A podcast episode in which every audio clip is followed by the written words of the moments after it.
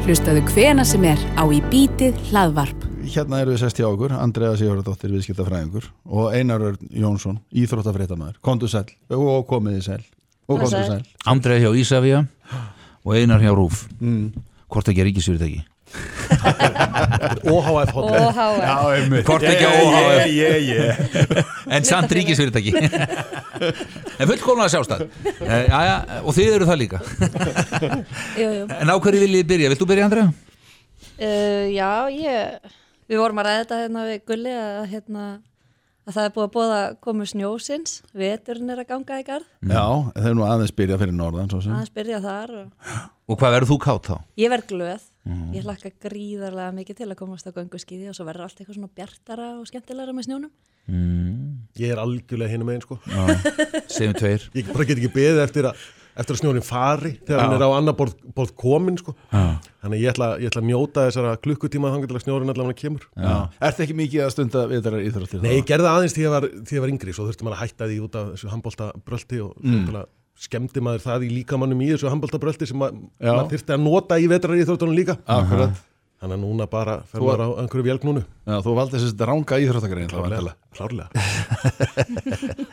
Býtu, er, er von á einhverju snjó hérna fyrir sunnan? Ég, ég held að það sé bara að hefði orðið eitthvað svona sviftingar í veðrinu að þetta, þetta fer vonandi að koma en, en það er ekki, ég held að hann sé ekki komin á ákortin en Mikið það vona ég að það verður styttist í- rámt fyrir þér. Hvað, af hverju? Sömu ást á Einar En Svo er, samt, svo er maður ennþá eins og badsam sko, þegar fyrsti snjórin kemur þá hlýna manni rosalega í hjartan og voða gaman sko, en samt, strax daginn eftir mm. Þetta er gorðið ágætt. Þegar er búið að skafa götun er þetta fínt. En svo, svo er nú, hérna, það er þetta að fara sko bilbeggja, það er þetta bara að vera sáttu með þegar þetta kemur í fjöllin. Mm. þó að sé sko aukt hérna á lálendinu Já, einmitt. En Einar, hvað fannst þér standið upp úr svona í vikunni? Ég er náttúrulega kannski svona þessum stóru alvarlegu fréttum er það náttúrulega innrásin hjá Tyrkjum í Sýrland sem er náttúrulega að einhvern veginn hefur vofað yfir í svo mörg ár að Tyrkjir vilji bara ganga frá uh, kurdunum og sama hvað, hvað bandrækjumenn segja þeir hafa ekki kannski gefið grænt ljós á það en þú veist það er verið að snúa blinda auganu í, í áttina, áttina til Tyrkja. Já, og þeir grípa tækifæri um leið. Og, Já, já. og þetta er svona bara enn eitt kablin í þessari hörmungarsögu kurda síðustu árhundruðin við vorum að tala um það hérna í gær. Býtu, hvað er Evropasambandið? Það heyrist ekki til Evropasambandið Nei, þetta er svona pínu ámátleg viðbröð enn sem komið er. Þetta voru skrítið Tyrkir er í NATO líka, það er alveg, það er alveg alltaf batteri sem geta tekið í, í hnakkadrampið á þeim. Já, en það mætti halda með hvað Evropasambandið eh, heyrist lítið í að það, það er svona eins og að það sé svona hálfpartin að samþykja þetta Já, mann grunnar hún samt að þetta sé svona síðasti naglin í, í þeirra engöngu vonir í Europasambandið. Mm. Þeir svona reyndu aðeins fyrir 20 árum að, að svona byrja þetta, byrja þetta ferli Mhm. Og gerðu breytingar á löggjöf og einhver svona dótar í heima hjá sér. En svo núna þessi hallina sem hefur verið tekin síðustu, síðustu ár í Tyrklandi, held ég að hafi ég held að sé engin þar neitt að gera sér einhverja grillur um að þeir komist inn í Európa-sambandi á, á næstu árum og svona frjálslindar ríki Evrópu munu aldrei hleypa þeim inn á meðan ástandi er svona hjá þeim nei. og þetta er stefnan að, að bara ganga milli bóls og höfuðs á, á myndum anstæðingum í öðrum löndum að þá tekur enginn þeim fagnandi eitthvað inn í Európa-sambandi. Mann finnst þetta svo skelvileg svik við kurdana sem hafa barist hlið við hlið með bandarækja mönnum gegn hérna ISIS að svo sé þeir bara skildir eftir það er ekki eins og þetta segja í kuldanum það er bara það, þetta er, er í rauninu bara já það, þeir eru bara bara vera að stinga á í bakið. Já, já þú veist það, þeir eru bara skildir eftir til að deyja það er kannski svona Já. Já, það er svona, það er, það er mér að segja að það er sko viðbót við þessa, hvernig þeim hefur verið eða hvernig þeir hafa verið svona leiksoppur stórveldana í gegnum, gegnum tíðina. Alltaf þeir sem þurfa að ná völdum með einhverjum ítökum í miðausturlöndum byrja á að tryggja sér stöðning kurdana með því að dingla svona fyrir framað á einhverju einhverju gulrótaði muni hugsanlega að fá eigið ríki. Nú er ekki bara verið að svíkja það heldur á bara hennilega að ganga frá þeim. Þannig að þetta er svona eiginlega er verið að bæta í. Já. svo kom Trump að setja hann inn á Twitter eitthvað myndband þar sem hann var svona einhvern veginn að reyna að réttlæta það sem hann var að gera með því að, að þeirra hermenn væri að deyja í stríðum og það væri bara það erfiðasta sem hann gengi gegnum var að tilkynna fólki um Mm. dauða svona sinna og dætra í, í stríði Já. en hvað með allt þetta fólk sem hann skilur eftir þannig Já, já. þetta er bara Svo getur kannski einhver velti fyrir sig eins og hann siti við síman allan daginn og ringi heim Já, til, til fóraldra hermana Já, er það ekki vanin að fórseti gerir það? Er, er, er hvað? Ah, er það einhver það er deyr? misjafnt Er það misjöft? Já, hann, Það er í bíómyndum það, hann, alltaf. hann skrifa bref og það er sko, það sko sérsniðin bref Ah, af hverju fjölskyldu Já, og já. stundum þá hérna ringir hann ah, fólk svoleiðis, eftir eitthvað. Nú en hingað heim eh, það, það hérna, kannski eh, má segja að við vækju undrun að, að, fórsættisáðurinn okkar feldi tár í þinginu Já, Fylgdist eitthvað með því?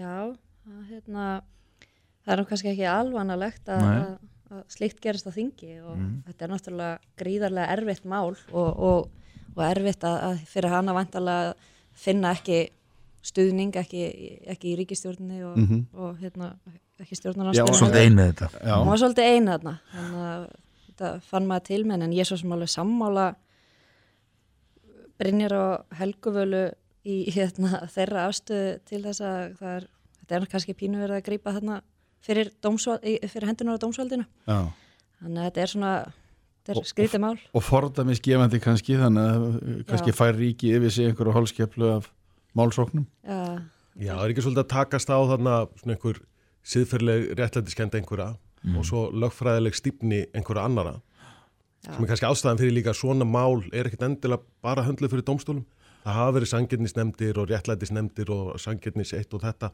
hér og þar um heiminn í svona einstökum, einstökum málum. Þar sem hún segir bara einfallega ok, þetta mál er bara aðeins öðruvísi en kannski dómskerfið okkar er sniðið utanum mm. Þetta er 40 ára saga fólk sem var ránglega dæmt og ránglega fangelsað og ránglega haldið í, í ein, einangrun og, og svona mistýnt á, á annan hátt. Þetta er ekki beint eitthvað sem að fellur inn í okkar lagaramma en svona kannski lögmenn geta ómögulega sagt það. Þeir segja bara neina, þetta, bara, þetta fellur allt hérna undir sama og gæðin sem fekk hérna, stöðumælasett sem hann átti ekki að fá. Sem er kannski fyrir, fyrir þá sem að eru ekki inn í þessum ramma er bara hreinlega út í hött. Mm. Þannig að það, það er svona, svolítið þessi sjónamið sem er að takast á og kannski bara ágætt að svona einstök mál sé ekkit endilega látin í hendurnar á, á dómsvaldinu. Það er ekkit upphaf og endir alls í okkar þjóðfélagi að, að dómstólar sé einhver endanlegur mælikvarði. Þeir skiptum skoðun líka í gegnum tíð og tíma og með öldunum. Það má Það er alveg færa rauk fyrir, fyrir því að, að, að ríkið sé ábyrgt fyrir því að eðalegja líf þessa fólks. Það er síðan hugsa maður um þessa þrískiptingu valdsins. Hérna, hún verður að vera dálítið skýr bara til þess að þetta kerfi gangi allt saman upp. En það sem mér fannst líka aðtiklisvert í öllu þessu máli ná léttu nótunum að það er uh, sannilega að Brynja Níelsson og og Helga Vala í fyrsta skipti sammála um eitthvað. Þau voru að spája stótt á stjórnmálaflokkin í gær. Já, það, En svo Það- það hugmynd verður fór eins fljótt og hún kom ja, sko. það, það verður þá bara um þetta eina mál. Já, einmitt. Og þennan eina lið í þessu Já. eina máli það, Já, fa- En fannst ykkur þetta eitthvað einkennilu upplifun að fórsættisráður að færa gráta í þingi, fannst ykkur það eðlilegt eða fannst ykkur það skrítið eða, eða gerði ekkit mál? Nei, Nei, ég ekki. Það, þetta er fólk og, og það hefur tilfinningar og, og, hérna, og þær geta komið fram hvar sem er. Það, það, það er ekkit endilega veikleiki það er bara eðlilegt og bara hlæja. Já, já, já, ég meina þetta er bara Já, tilfinning sem að kemur yfir hana. eða öskra, fólk hefur nú mist stjórnarskapi sínu þannig Heldur Ó, já. Ó, já, já, já. Fleira? það, ég er með svo mikið það, þeir Já. eru að tala um að Uber geti komið hérna Já. til lands í vetur. Mér finnst það mikið fagnaðarefni Ég samanlega, ég nota Uber mikið Já, og þegar er erlendis. Það er svona, þetta er fyrsta sem maður gerir þegar maður kemur í borg erlendis er aðtók hvort það sé ekki alveg öruglega Uber þar. Já, já mjög þægilegt Eða Lyft eða þú, hvað sem þetta heitir allt saman. Já, já. Ö- Öll þessi fyrirtæki. Og þá þarf það að ná í appið og, og setja inn kortið Já, þetta með ekki og... glöðugiði. Með bros og vör sendir kortanúmerið mitt út í kosmosið. Þetta sko, þeir sem hafa verið á mótur sem hafa verið að tala um sko, svona öryggi farþega og, og svo framvegis að það er bara umræða sem ég hef alls ekki skilið það er þú ert með þetta í appinu, þú ert með leiðina þú fylgist með leiðinni sem þú ert að fara í rauntíma. Ég get, í sumum bílum hef ég getað stjórna tónlistin í bílinum í gegnum appið. Uh, ég er sé engunagjöf sem þessi ökumadur hefur fengið frá öðrum farþegum. Við ferð ekkert upp í bíl með einhverjum sem er ekki með Nei, hérna, hlutin á hreinu. Já, hlutin á hreinu. Uh, mér finnst þetta þessar upplýsingar sem að, maður er að fá í gegnum þetta app gefa mig meira öryggi heldur en að fara með einhverjum. Það eina sem ég get rekið er þú veist á kvittunum sem ég borgaði eitthvað eitthva númer sko. Já, það er hérna ég skil ekki alveg þá umræðu. Ég, ég finnst öryggi mitt alveg vera tryggt í Já, það það er það er engin peningar sem skiptum hendur heldur. Það er engin, svo við förum kannski yfir í karlhlutan af, af örygginu, það er engin að fara að ræna þig. Nei, Af því að það, þú ert ekki með neina peninga á þér. Nei. ef þú, kem, þú getur komist upp með að vera ekki með hennar peninga þér. Já, já, akkurat þetta er bara í, símanum við nú út búin að ákvæða verði fyrirfram og allir mm. glæðir Já, já Hvar, er það notað á Norrlund? Er þetta komið þangað á Norrlund? Er þetta á Meginlandi Európu? ekki, ég, meira á meginlandinu og svo og í bandrækjunum Bandaríkjunum. Já, hefur þú notað þetta? Já, já. Eh, Mikið minna, ég notar þetta alltaf við það Uh, já, mjög, mjög mikið sko. Ég, hérna, ég hef notað þetta, já, mest held ég í bandaríkjunum. Mun ódýrara Já, mm. já, já, já. Það er það Já, Já, þannig að þið vonið það að Uber komið til Íslands eitthvað meira?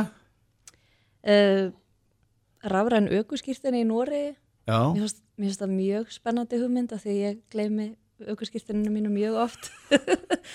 það er verið að fylgjast með því hér, ég bara, ég vona að, að þetta komi hingað fyrir að síðar, við erum komið rafrænu skilríkin, þetta hlýtur að vera eðlilegt næsta já skrif. og svo erum við komið með kortinn og, og alltaf Apple Pay eða Já, þetta verður svona einhvern veginn að vera síðastar í sæðilan að, að þessi svona skilríki, venjulegu skilríki komi í símana líka. Já, maður er ekki þurft að vera með veski núna í, í marga mánuði. Og þá er maður einhvern veginn búin að tróða aukurskirtin hérna bak við síman og eitthvað svona. Já, þú gerir til að vera, til að vera, já, það, það er hérna bak við hulstrið sko.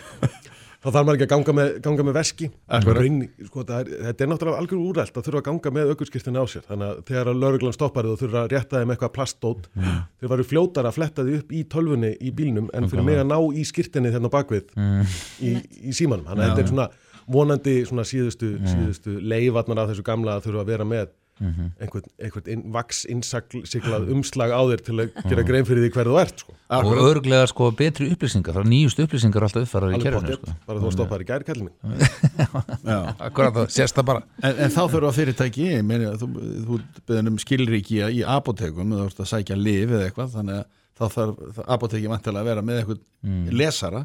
Já, eða er þetta segja- er bara í símanum skilum sem að kallar upp kortið í, í símanum sínum og þú ert boardingpassa fyrir flugvélar og allt svona dótari. Já, maður þarf ekki að vera lengur með eitthvað svona fysiskt dótari á sér nema bara eitt síma. Pappísmiða eða plast kannski bölun fyrir einhverja já, eftirlits samfélagið og, og allt það sko. Já, En samt einhvern veginn að hafa þetta rafrænt, er það ekki, er það ekki, ekki að auðvelda eftirlit samfélaginu? Myndi ég halda, ef þú, ef þú til dæmis er bara að skanna aukuskýrtinið í stað þess að vera með na, svona plastgaur, já, það er bara auðvelt að í raun og veru að falsa það, ert bara að flagga svo. já Ekkert að falsa strikamerki eða QR-kóða Já, Meira mál kannski. það, er örgulega meira mál. Það, hérna, Já, ég held að séu fleiri öryggis eða svona varnaglar byggðir inn í rafræna fyrirkomulegið frekar en hitt, þú getur alltaf bara glemt aukurskirtinu einhvers þar. Já, já. Alltaf glemt kreditkortinu eða veskinni einhvers þar eða eitthvað. En að því þú nefndir, þú nefndir flugið á að,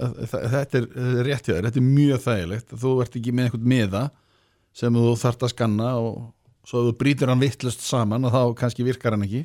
Já, ef þú ert að sækja eitthvað í vasan og dettur upp úr og Já, já, maður er alveg lent í því að ferðast með fólki sem, að, sem er bara kátist. já, Það sest niður einhvers þar, það er búið að týna einhverju. Já, og í, á flugferðum er það yðurlega fólk sem að týna boardingpassanum sínum. einmitt. Og uh, uh, þú þekkir þetta nú hjá Ísafja að þú þarft að skanna hérna boarding pass þegar að þú kaupir eitthvað líka. Já, já, það er óþólandi að þurfa alltaf að fara í vasan og ná í eitthvað annað akkurat. annar miða Þetta er, það er bara frábært að vera komin Ég hef aldrei skilið það af hverju þarf maður endilega að sína boardingpass þegar maður er að kaupa sér eitthvað í frífni svaraði nú Ég get svarað því. Það er nú bara þetta því að hér á landi eru svo kvöldu tollalög. Já.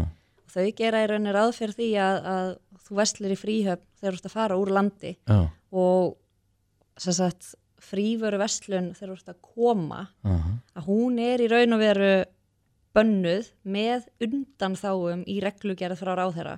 Þar er bara lista nokkuð nákvæmlega upp hvaða vörur má selja þar. Og þar er til dæmis matvara ekki, þannig að þú mátt ekki kaupa veitingar. Á leiðin inn?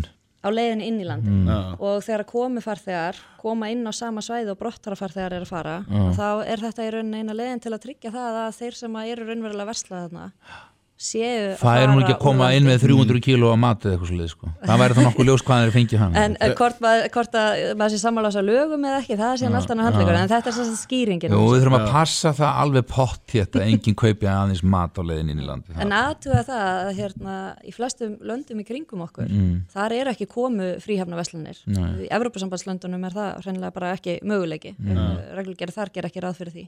Og þar er kannski bara svona dútifrí maður ekki mm. sagt, undaskili virðisök á tollum. Mhm. en við erum heppið með það á Íslandi að allt, allt, allt af flugvellinum er þar. Já, já fleira, einar?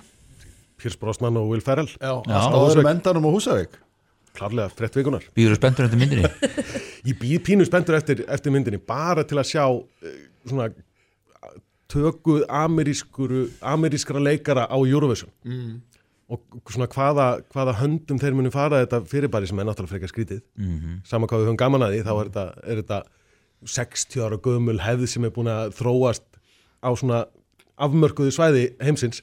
Og mjög gaman að sjá svona gests auga amerísku kvikmynda, ameríska kvikmynda heimsins á þetta fyrirbæri.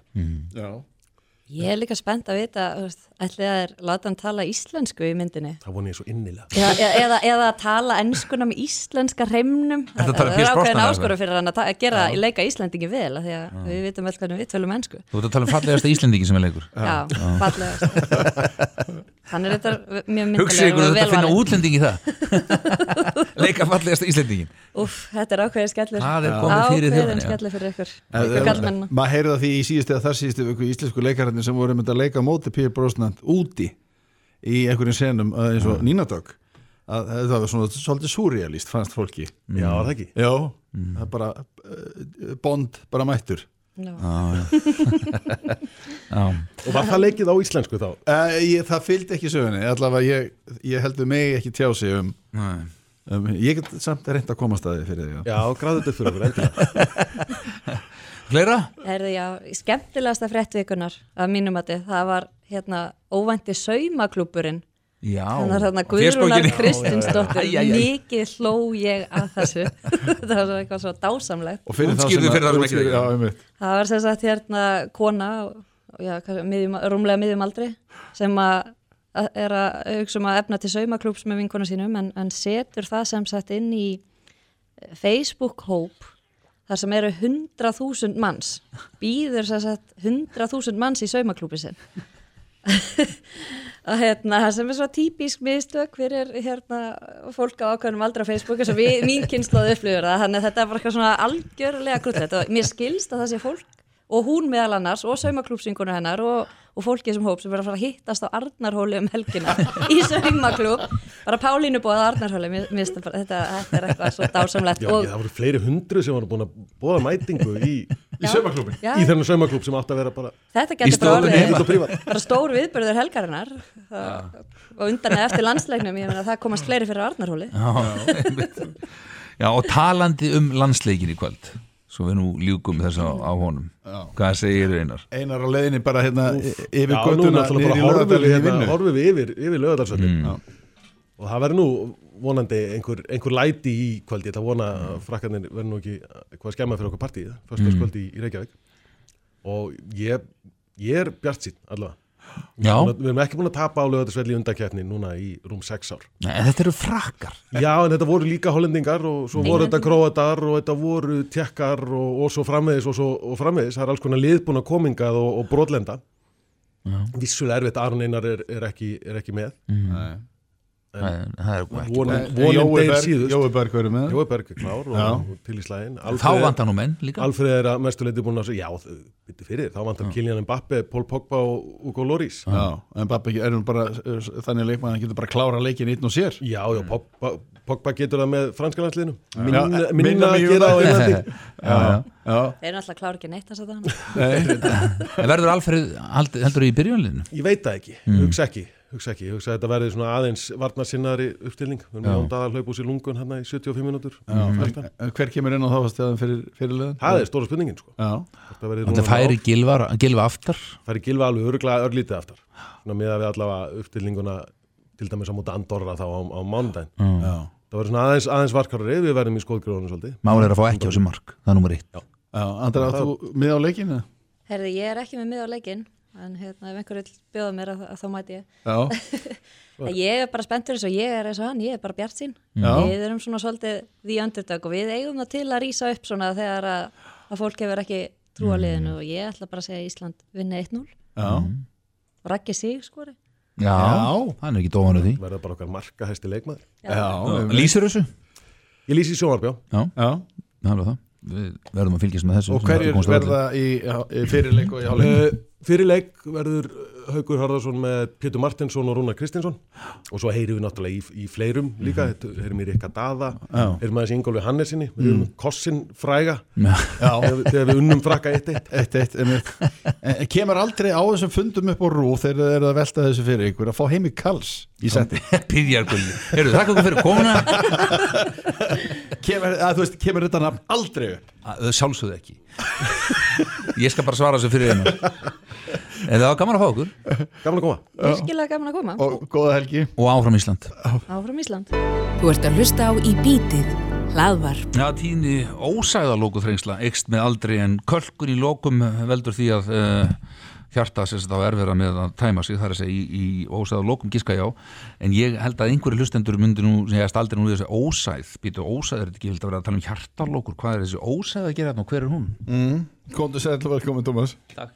En byrju, þú segir ósæða loku þrengsl er, er það ekki uh, bensmerkið? Jú, það er að segja uh, hérna, endin, eða lokanir lítur út eins og bensmerki. Eða písmerki eða písmerki fyrir ekki, við skulum hafa það þannig en, en, en e, þá opnast ekki alla blöðkurnar eða hvað, hvað lístu það eins fyrir Já, okkur? þetta er hérna algengasti loku sjúkdómurinn, hjartalóku sjúkdómurinn á, á Vesturlöndum og þar á meðal á Íslandi og það er alveg rétt sem heimir sagði til next með aldri og við erum flest, 98% af okkur erum fætt með þrjár blöðkur í þessari loku og hún er, nákvæmlega svo heimir sagði, hún er staðsett á milli ósæðarna sem tekur við öllu blóðinu út úr hjartanu sem að fer út í líkamann, upp í höfuð, út í fætur og önnur líffæri mm. þetta er rauði hlutin af hjartanu sem að dæli súrefnisríku blóði út úr vinstri hluta hjartans og liggur á mótunum milli hjartans og ósæðarna og þess vegna er þetta kallað ósæðaloka og uh, en í 2% af okkur eru fætt með uh, tvær blöðkur í staðin fyrir þrjár. Þannig að það er ekki þetta það er ekki þetta písmerki. Er það galli? Það er í rauninni meðfættu galli sem að háur mann ekkert svona framan af en upp á 50 þá, þá hérna fara þess að kalk, lókur að kalka vegna þess að það er meira ála á lókublóðunum en, en ella. Og margir af þeim, eða flestir, þurfa að fá nýja hjartalóku en þetta er hluti af sjúklingunum. Bætur við þá þriðilókun eða skiptur þeim alveg út? Nei, þeim er skipt út yfirleitt. Mm. það er enda komin tækni núna frá 2012 á Íslandi sem að heiti TAVI á ennsku og ég kalla ósaðalóku ísetning þá er þetta að fara sett í gegnum nára, náraslagað mm. og koma lífræðni lóku sem er þá yfirleitt úr svíni fyrir og þá er heila kalkinu í lókunni ítt út í veggin á æðinni Mm -hmm. og, og svo er svona málmur með minni sem að það er ítt að taka þá spennist málmurinn upp og inn í honum er lífræn loka og þá er þetta að koma þarna hjartalóku fyrir. Þetta er gert hjá þeim sem að ef við höfum hingað til aðlega gert hjá þeim sem ekki er trist í opnaðagerð því að það að skipta lókun út sem er kannski svona þekktari meðferð og hefur verið við líði í marga áratugi. Mm -hmm. er náttúrulega stærri aðgerð, þá þarf þetta að opna bringubenni, það þarf að hljúa bringubenni upp, sjúklingurinn er náttúrulega svæfður og, og hann er tengd við hjart og lúnavel og maður stöðvar hjarta alveg kannski klukkutíma tvo. Mm -hmm. og tekur kolkuðu lókuna út og svo kemur maður nýri lóku fyrir sem að í langflestum tilökum er lífræðan gerfurlóka Hvað er hún stór? Eða lítil kannski? Já, flesta lókunar sem að þvermali á þeim sem við erum að setja inn er svona frá 2,3 cm og upp í 2,5, það er svona lang algengast Já, þú segir kljúabríkubreinni, opna, taka hjarta út, stöðva það. Já, við tökum hjarta ekki út, við frýjum hjarta bara, tengjum sjúklingum í hjarta og lungnavel, þannig að svo vél sér um að, að súrin sem þetta blóðið, hún gegnir hlutverki í lungna, en aðalega þetta líka að dæla blóðinu út í til þess upp í höfuð og út í líkama meðan við erum að vinna með hjarta, Já. því að við erum þá með alveg kjurt hjarta í Já, höndunum. en skerðu þá æðina, ósæðina bara við lokuna eða? Nákvæmlega, við förum aðeins fyrir ofan, Já, þetta er svaka skemmtilega að gera sko. tveimur sentimetrum frá eða eitthvað Já, eða? nákvæmlega, Já. út um smiður Þetta eru bara Ég sé pípulæningar bara mig smiður. sko. Já, já. nákvæmlega, við förum nákvæmlega svona tveimur sentimetrum fyrir ofan eða einum og hálfum Já, og þarna eru kransa og opinn þannig að maður er að passa að fara ekki á neðalega þannig að maður skemm ekki kransaðnar Mhm.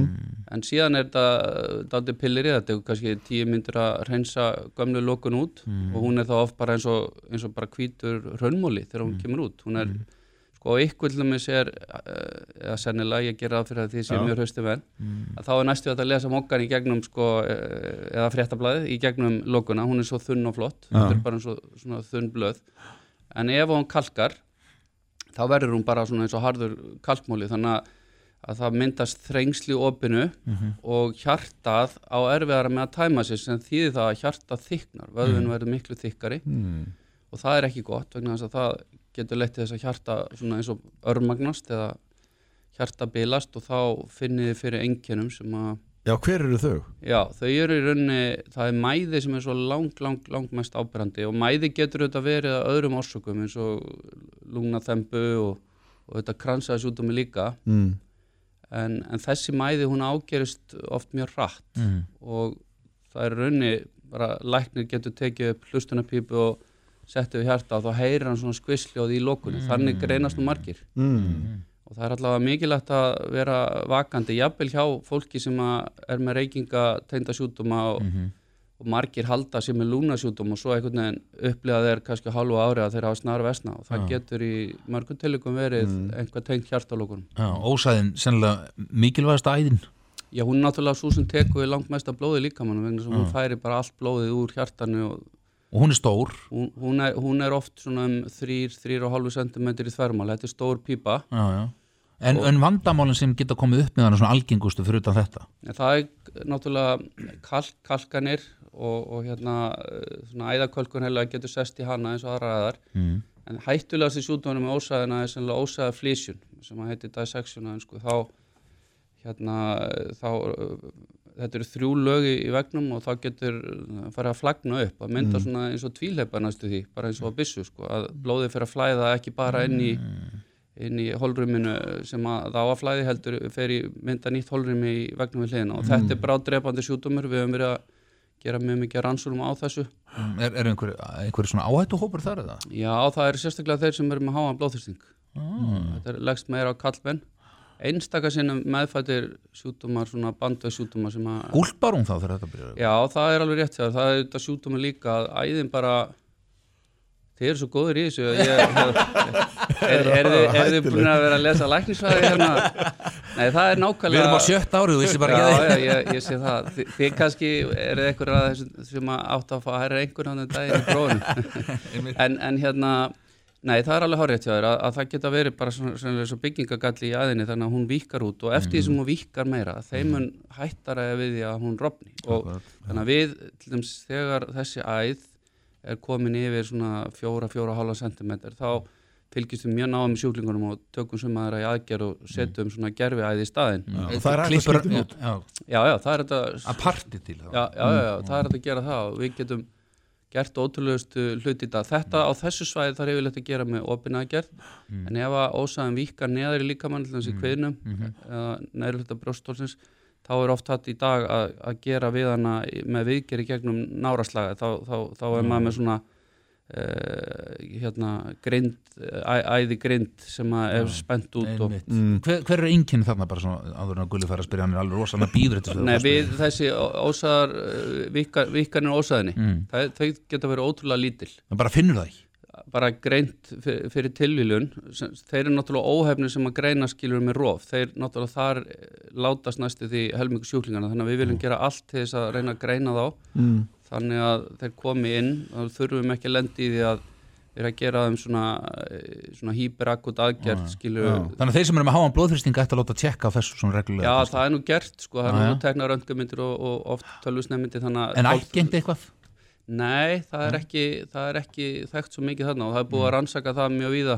En, en skilur, en, en ég er alls ekki að ræða fólk, það er náttúrulega rosalega algjönd að vera með háþrýsting en það er náttúrulega fæstir af þeim eru með æðavíkun en, en þetta er bara eitt af því sem að þarf að fylgjast með og einstakasinu reyndar þá getur komið leki ósæðalókuna ef að þú veist pípan fyrir ofan víka mjög mikið. Já. Og, og þá fylgjast við Tómas, ég ætla að Gulla ætla, hérna, nú verð ég að fá að koma. Að því að þú varst búin að útskýra það þegar þú tekur hérna gömlu lokun úr sem er eins og hvítur hrönnmóli Mhm. og hvað svo?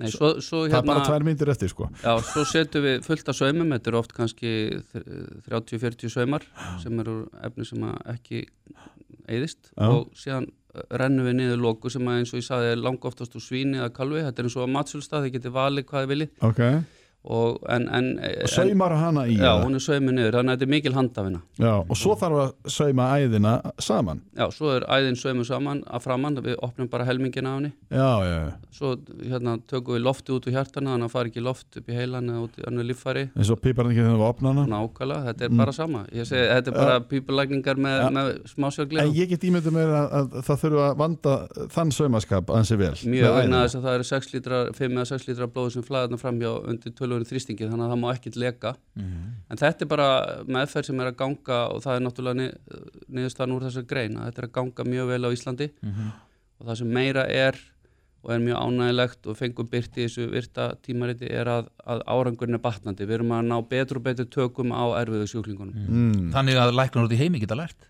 Já, algjörlega. Ég menna að þetta byrtist í bandarísku tímariti Journal of Cardiac Surgery og þetta er hluta doktorsverkunni Sindra Arás Viktorssona sem er í sérnámi í bandaríkjanum. En það er bara rosalega mikilvægt þið viti hvað umræðinu landsbytalan oft og helbilskerfi í Íslandi neikvað. Margt jákvæmt að gerast. Það er bara rosalega gaman í vinnunni og, og hérna góðu starfsandi og allt þetta. Þannig að ég lít líka sem mitt hlutverk sem prófessor að koma og segja fólki jákvæða fréttir því að þetta er virkilega jákvæðt fyrir fólk sem er á leiði svona aðgerð eða fara í aðgerðna hvað öllum lifi lengi og, og hérna. Og sérstaklega gaman að heyra þið lýsa þessu svona grafist já Og ég mjög- get alveg, Já. við getum tekið eina aðgerð í viku. Við hefum fullt eftir. Já, en, já, en Tómas hérna, Guðbjörnsson, professor uh, og skurðlæknir bestu þakki fyrir komin og komst ekki lengra. Kæra þakkir. Takk fyrir.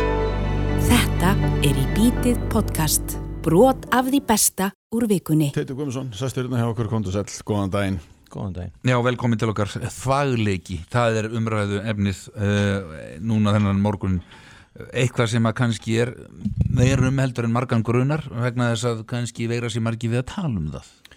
Já, það má segja að, að um, sko, þvagleki samkvæmt rannsóknum háir allt upp í 30% kvenna á aldrinu 30-60 ára og, og karlar svona 1,5-5% þetta eru svona alþjóðlega tölur. Á hvað aldrei þá Karla? Já, svipum aldri og svo eldri. Þannig að, að við erum að sjá konur í yfirgnafandi meirluta eiga við þvagleika Einhver getur nú haldið að sko þagleiki væri fyrst og fremst bara gamla fólkið. Það er auðvitað tengt aldri, við vitum það og, og aldur er stór áhættu þáttur á því að vera með þvagleika en sömulegis fleiri þættir sem að koma til eins og til dæmis það að eiga börn. Mm. Uh, það að gangi gegnum meðgöngu það að fara í gegnum eins og karlar í gegnum aðgerð á blöðrálskirtli til dæmis því að hann er mjög nátengtur blöðrunni og, og þar geta menn lengt í þessu. Þvaglegi er í raun og veru honum er skipt upp í sko, þrjár tegundir af mismöndi vanda. Er annars vegar að sko þú lekir þegar það er streyta eða álag á líkamann til dæmis við að hlaupa eða ganga eða hoppa eða trampolíni eða stunda íþróttir eitthvað slíkt.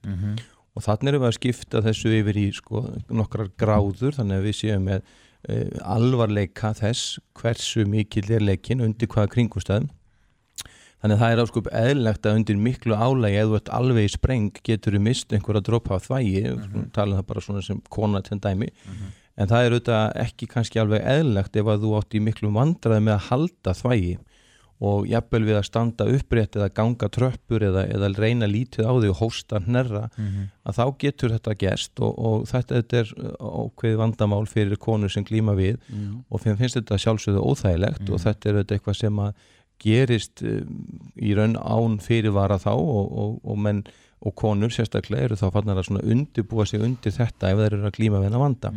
Til dæmis að vera með bindi eða, eða eitthvað slíkt en það er fullt af leiðum til þess að eiga við þetta. Nú, en ef við ja. koma aðeins tilbaka inn á sko þessar gráður og síðan hinn flokkin eða hinn að tvo flokkan eða þrjájapel af þvagleika þá er það eh, sko að vera með ofvirkar þvagblöðru. Það kannast karlar við líka alveg eins og konur að það er að að, að, bladran er að spennast upp og, og í raun og veru vill losa þvag sem er henni eðlislegt, þannig byrjar þetta ferli alltaf hjá okkur. En þarna verður bladran ofvirk og, og fer að kreista sér saman og þá er á viðkomandi mjög erfitt með að halda þvægi Mm. og þetta er mjög vel þekkt og, og þarna erum við ofta að glíma við mikinn vanda í tengslum við þetta vegna þess að þetta kemur líka mjög hratt og mjög bratt upp þannig að, að, að fólk, Þannig að bladran fær bara hálfgerðan krampa eða eitthvað? Já, í raun og veru og þú verður bara að hlaupa. Af hverju fær hún krampa? Já, það eru mismunandi skýringar því, það eru bæði sjúkdómar, það er til dæmis taugasjúkdómar, það eru uh, MS sjúkdómar, Parkinson sjúkdómar, ímest undirleikjandi atriði sem geta haft áhrif á þetta, þannig að það eru fjöldamargar ástæða fyrir því. Og svo erum við með líka þvægleika sem að tengist í að vera í raun og veru með sko yfirflæði, það er að segja ef að, ef að bladran er yfir full mm. og uh, viðkomandi er ekki að sinna því að fara á klósetti að tæma Mhm. og þar geta verið líka sjúkdómar í taugakerfi sem hafa áhrif á þetta og liv og ímis önnur atriði og svo erum við með funksjónal í raun þvagleika sem þýðir að fólk fer ekki á klósett vegna ímisa annara aðstana til dæmis á erfitt með að reyfa sig, er bundið við til dæmis hjólastól eða er í, í kvíða eða spennu eða va- vanlíðan og, og sinnir ekki sér sem frumþörfum og svo framvegist. Allt þetta getur við svo sem átt við sko með einhverjum hætti.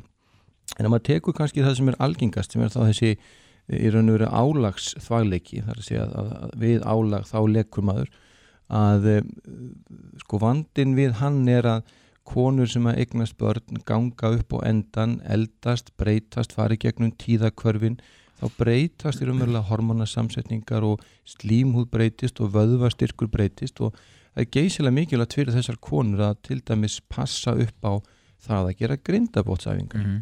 Þetta er eitthvað sem við erum að segja konum, reyndar líka körlum, karlar eiga líka að gera þetta en það er mikilvægara fyrir konur þar sem að grindabotni þeirra er viðkvamari heldur en hjá okkur Mm. og uh, þetta þurfa þær að gera og það er mælt með þessum æfingum að minnst okkur þrísvara dag, tíu æfingar í senn og að menn séu að, eða konur öllu heldur séu þá að, að praktisera þetta. Og geta þær komið í veg fyrir þetta stöðva þetta með því að æfa grindabotnin Já, það er í raun og veru þetta svona blöðruð þjálfun í leiðinni og, og þannig að þú ert að kreista þessa vöðva þannig að þú finnur þá vöðva sem að, sem að skipta máli. Dæmi er um konu sem fari gegnum fæðingu og lenda í svona áverka á, á fæðingaveg. Þær geta lendi áverka líka á, á þvagvegina og þá geta þær verið með dofa tilfinningu og óþægindi í ákveðin tíma og ekki átta sig alveg á því og þurfa að læra aftur að finna grindabotna til dæmis sjúkraþjálfara sem eru sérhæður í því að þjálfa upp grindabotna eftir meðgöngu og erfiða fæðingu. Þannig að þetta skiptir verulegu máli. Nú það getur verið skipt máli að, að þjálfa blöðruna, að tefja til dæmis það að þú farir á klósett. Það getur skipt máli að pissa, stoppa í miðri bunu og pissa aftur. Þetta skiptir verulegu máli. Nú að vera kannski með stundaskrá fyrir klósettferðir að fara reglulega en ekki lenda í vandræðum og allt í hennu vera með fulla blöðru og komast ekki á klósett. Þetta skiptir máli. Nú fyrir þá sem eru með þessa ofvirku blöðru þá eigum við nú fyrst og fremst liv sem að hafa áhrif á þennan spasma. Livin eru að, að virka gegn krampanum í blöðrunni mm. og við eigum síðan líka um, að hluta til alltaf, uppbóta á hormónum, konur sem að fara í gegnum tíðakvörf. Að það er fjöldamert þetta að gera. Þú segir að, að, að stoppa það í, bunu er, er, er það bara til þess að tjekka eða er litið á það sem æfingu? eða? En það má gera það heila á báða vegu sko. Ekki, ef, ef þú hugsar þannig að þú getur stoppa bununa í miðri bunu Mm -hmm. og bara loka fyrir, Mhm. þá ertu alveg klárlega að virkja rétta vöðvan. Þá ertu að loka fyrir og það er þá sá vöðvi sem að, eða þeir vöðvar sem að við viljum að þú sérst að æfa mm. Og þetta er oft, segjum að við konur prófaðu bara hvort þú getur stoppa bununa Mm. og ef þú getur, þá ertu að gera rétta æfingu. Mm. Þessar konur eru líka með í rauninu ímis konar hjálpartæki þar hafa verið með tappa upp í þvagrás það er nú gamaldags, það hafa verið ringir sem eru settir upp í leggöng það er sem sagt verið að fa- fara í gegnum aðgerðir á þvagrás sem að hefur áhrif á, á blóðflæði og kollageniseringu. Það er líka verið að sprauta botoxi yfir í þá sem að í blöðru hjá þeim sem verið með ofvirka blöðru. Þannig að það eru fjölmarkar aðgerðir sem eru til. Við fyrir utan síðan það að hengja upp blöðru sem er nú tiltöla algengt. Það eru margar konur sem lenda í sígi og þá stígur bæði þvagblara og leg og jafnvel ristill og, og þetta getur þurft að eiga við með aðgerð og hengja upp þessi líffæri og þá fyrst og fremst blöðruna. Þannig að það eru eins og ég segi nokkur atrið þarna sem að við erum alltaf að, að velta fyrir okkur. Uh, vandamálin við þvægleika er auðvitað svo að, að þetta er óþægilegt. Afsakið, og þetta er atriði sem að skiptir þessa, þetta fólk verulegu máli. Og fyrir karla til dæmis sem hafa farið í gegnum blöðrálskirtis brottnám eða mikla aðgerð þá vantar svona þennan tappa fyrir neðan blöðruna sem að kalla má sem að hindra það að þarna verði frjálst flæði og, og þeir eru þetta eða þeim líður mjög illa yfir því að missa þvag Mm. alveg eins og konum og, og þetta getur skipt veruleg máli að ræða sem Mm. til dæmis vandamál í kjölfar aðgerðar hjá körlum sem að eru búin að fara í gegnum þessa miklu aðgerð vegna yfirleitt blöðruhálskirtis Mm. meins Þetta le- getur lagst á sálina Já, það gerir það og það er líka hluta meðferðinni að, að, að segja fólki að þetta sé meðhöndlanlegt að það sé hægt að hafa áhrif á þetta og stýra þessu. Mhm.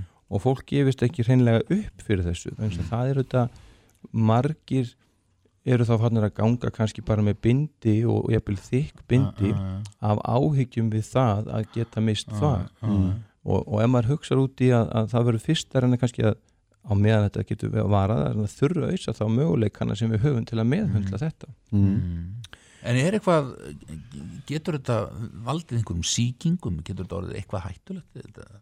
Já, það eru vandamál við þetta að vera með leka, annars vegar getur fólk fengið þvagfæra síkingar, getur lent í vandræðu með þetta í sjálfu sér og, og ítrekkaða síkingar eru til dæmis að íta aftur undir það að þú fáir þvagleika. Þannig að þetta veldur svona vítarhing um, það er nú kannski ekkit óbáslega margt annað sem að kemur til sem að er svona að hafa stóra áhrif á einstaklingana í sjálfu sér sko varðandi þetta. En það eru náttúrulega sko þessir áhættu þætti sem að þarf þá að kontrollera fyrir.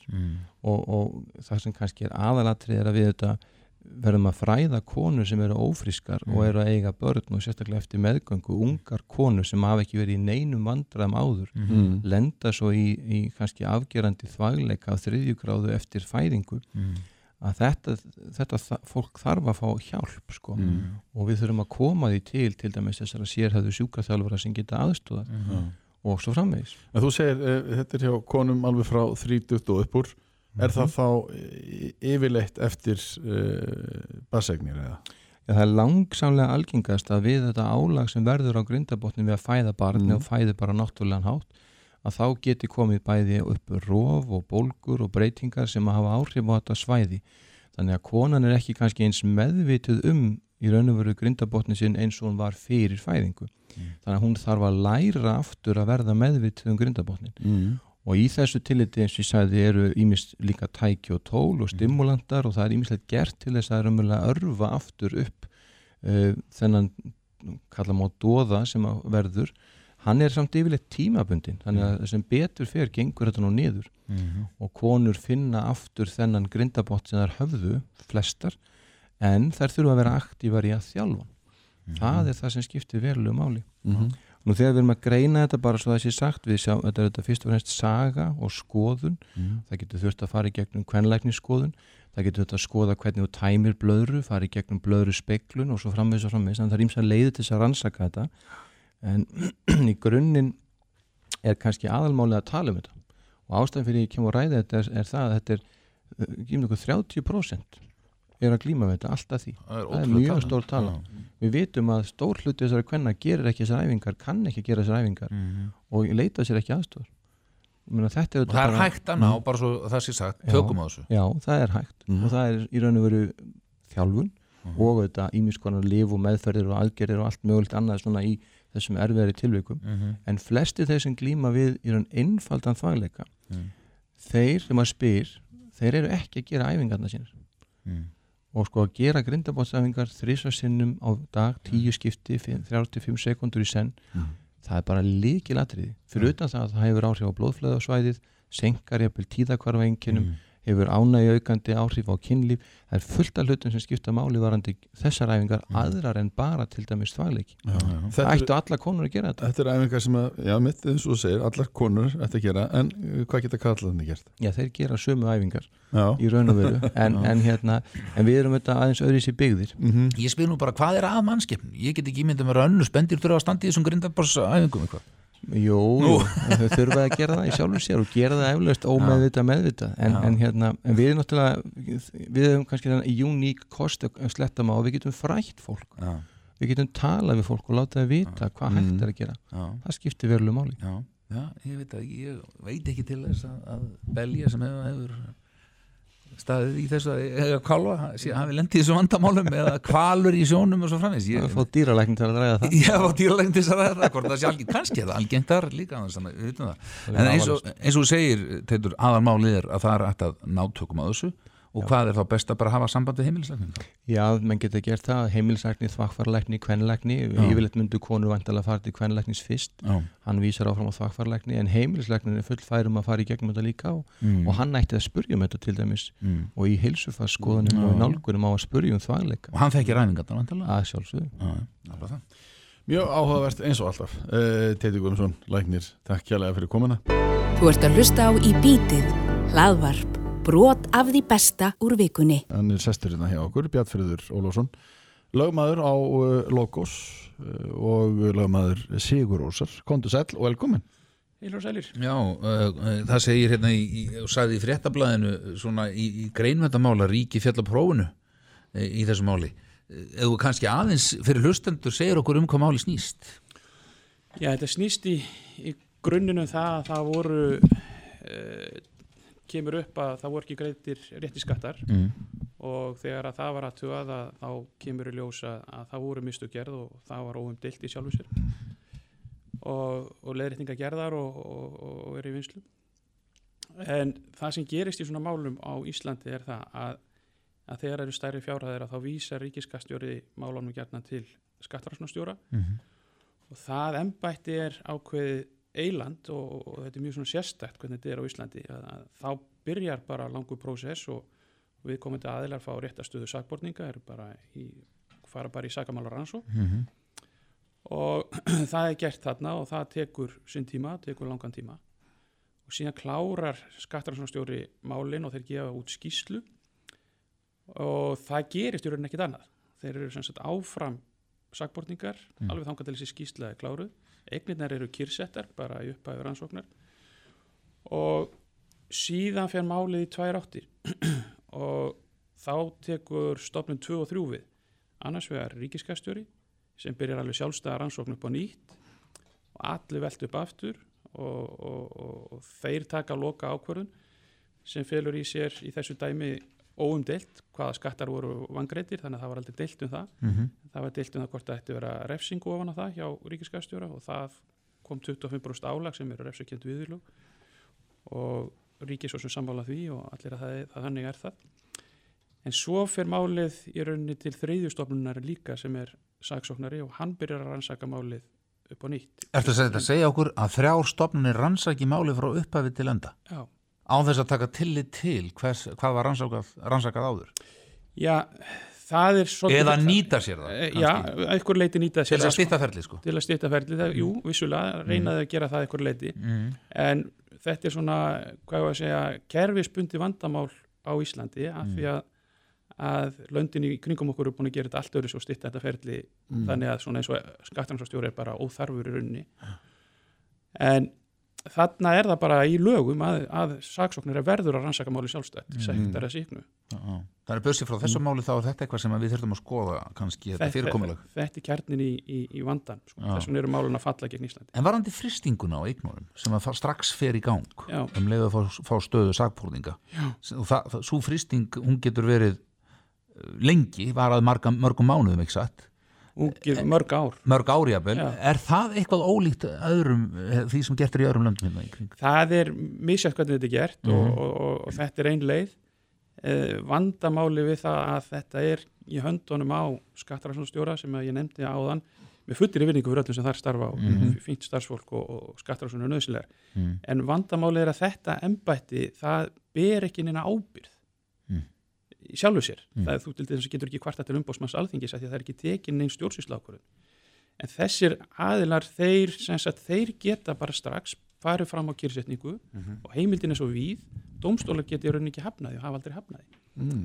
þannig að þó þú kærir og bendir á að það er til nóga regnir, það er, ekki bilt um að greiða þetta. Mm ef að skattunarstjóri segir "Heyrðu, bara, þetta er bara, við viljum bara kyrsetja þá er bara kyrsetja En þegar þú segir eh, eignir kyrsettar er það þá, það, í þessu eru fasteignir og hvað, bankareikningar líka eða? já, já, Allt frist ekki alla regnir þeirra en, en, en, en nóg til þess að tryggja allavega rétta skattgreistur og svo náttúrulega saka kostnaðin allan líka því að Já. það sem Mm. kemur fram sem liggur undir efnislegi málinu Mm er það að þeir þurfa að borga í sekt allavega Mm. tvöfaldan vangreitan skatt -hmm. sem eru hundruði miljónar En, en þegar svona eignir eru settar í frost það, það getur skadað við komandi ekki satt? Það er eh, náttúrulega mjög sérstök upplifum fyrir alla sem að lendi í því að Já. þetta, það, þú náttúrulega getur ekki fengið einu svona lán til þess að borga það sem, sem og skatta. Nei, það er bara allt í frosti. Það er bara allt í frosti því að bankar náttúrulega horfa á eignir sem eru frist og þetta er bara tónt vandamál takk ekki þátt En hvað gerir svo til dæmis eins og núna? Þá, var málinu vísa frá. Það er kært til hans, þetta er ekki satt eða áfríðað eða- Má, Málið er, er, er vísa frá já og, og svo frávísun er kært til landsréttar sem tekur svo endala ákvörðun um, um, um frávísun. Segjum það að hún komist að sömu niðurstöðu eða bara reynlega stíkni viðkomandi. Myndast þá skadabóta krafa á skattaransóknarstjóra eða, eða ríkið að hálfu þeirra sem að eh, já, eignir voru fristar hjá? Það kann að vera ef að þetta hefur verið gert með ólögum með hætti sko. mm. En ólöglegum hætti það er kannski, býtu, er það langsótt e, sko nú er, er, er snýst þessi frávísun meðalans um það, að þessi ákæri ferill sé ekki lögmætur Já. og sá skaði sem að sakbortninga verða fyrir út af slíkri málsmeðferð Mhm. kann að vera bótaskild fyrir ríkið Mhm. en það er sjálfstætt mál og það þarf að sína fram á fram á skaðan og, og, og, allt það sko Já, en, en svo segir hérna því að heimir var að vitna hérna í fréttablaði að rannsóknin stóð yfir í hvað, 712 daga eða þar til ákveðar hafa gefin út og síðan liðu 622 dagar til viðbótar áður en að málið komst í kasta dómstóla Já, þessi Þetta er nú ansið margir dagar já, Er þetta svona flókimálið? Nei, og, það er alltaf ekki flókja því litunum til að það er ekki deilt um eittnin eitt nema bara formið sko. Mm. Er að- þá verið að reyna að kafa eftir einhver öðru eða reyna að finna eitthvað annað? eða? þetta er bara, svo, þetta er bara þessi þrautaganga sem allir gangi gegnum sem fari í Mm. gegnum þetta á Íslandi og, og það er mjög mikilvægt að, að, að, að menn viti það að 2013 þá var til dæmis gerð skýsla um hvernig á að gera þetta betur spara ríkinu kostnað, spara borgarunum óhægraði, tryggja mannréttindi og þessi skýsla er, er, er unnin og sett fyrir alþengi 2013 og að henni standa prófessor Sigurður Tómasson og Bryndis Kristjánsdóttir mm. -hmm. skattrannsóknarstjóri og þau útlista hennar vanda Já. og þau benda á að í nágrannlöndunum er þetta ekki svona Mhm. þannig er það að, að í málum eins og hjá ríkiskastjóra þegar þetta kemur svona upp þá tekur hann strax ákvörðun ætla ég að halda áfram með málið Mhm. og bara leggja á álag Akkurat. eða ætla ég að senda þetta beint í saksók Mhm. og þá verður þetta strax fyrir dómstóla Mm. þetta, þetta er ekki ykkur hluta vegna hér en þetta kemur fram í sér skýslu 2013 Mm. og ykkur hluta vegna var ekkert gert En þú, þú nefndir að skattaransóknarstjóri var svona eins og eiland, hann bæri enga ábyrð ef að kæmi nú inn ábyrðar hluti þar, ef að hann yrði að sæta einhverja ábyrð, ef hann til dæmis fristir eignir og uppkemur að, að, að ef uppkemst eða að lokum er, er, er það ekki, eh, sko, var það ekki sangjant uh, myndi það strax breyta einhverju? Já, það, það til dæmis meðalans í þessari skýslu kemur fram að það eru nokkra leiði til að laga þetta. Mm. Annarkvort fær skattsóknarstjóri bara saksóknarvald, þannig að hann getur bara haldið áfram með máli strax. Mm. Og, og þá náttúrulega þarf að breyta svona öllu sístemið þar. Eða þá að skattræksóknarstjóri verður bara deilt hjá saksóknara. Mm.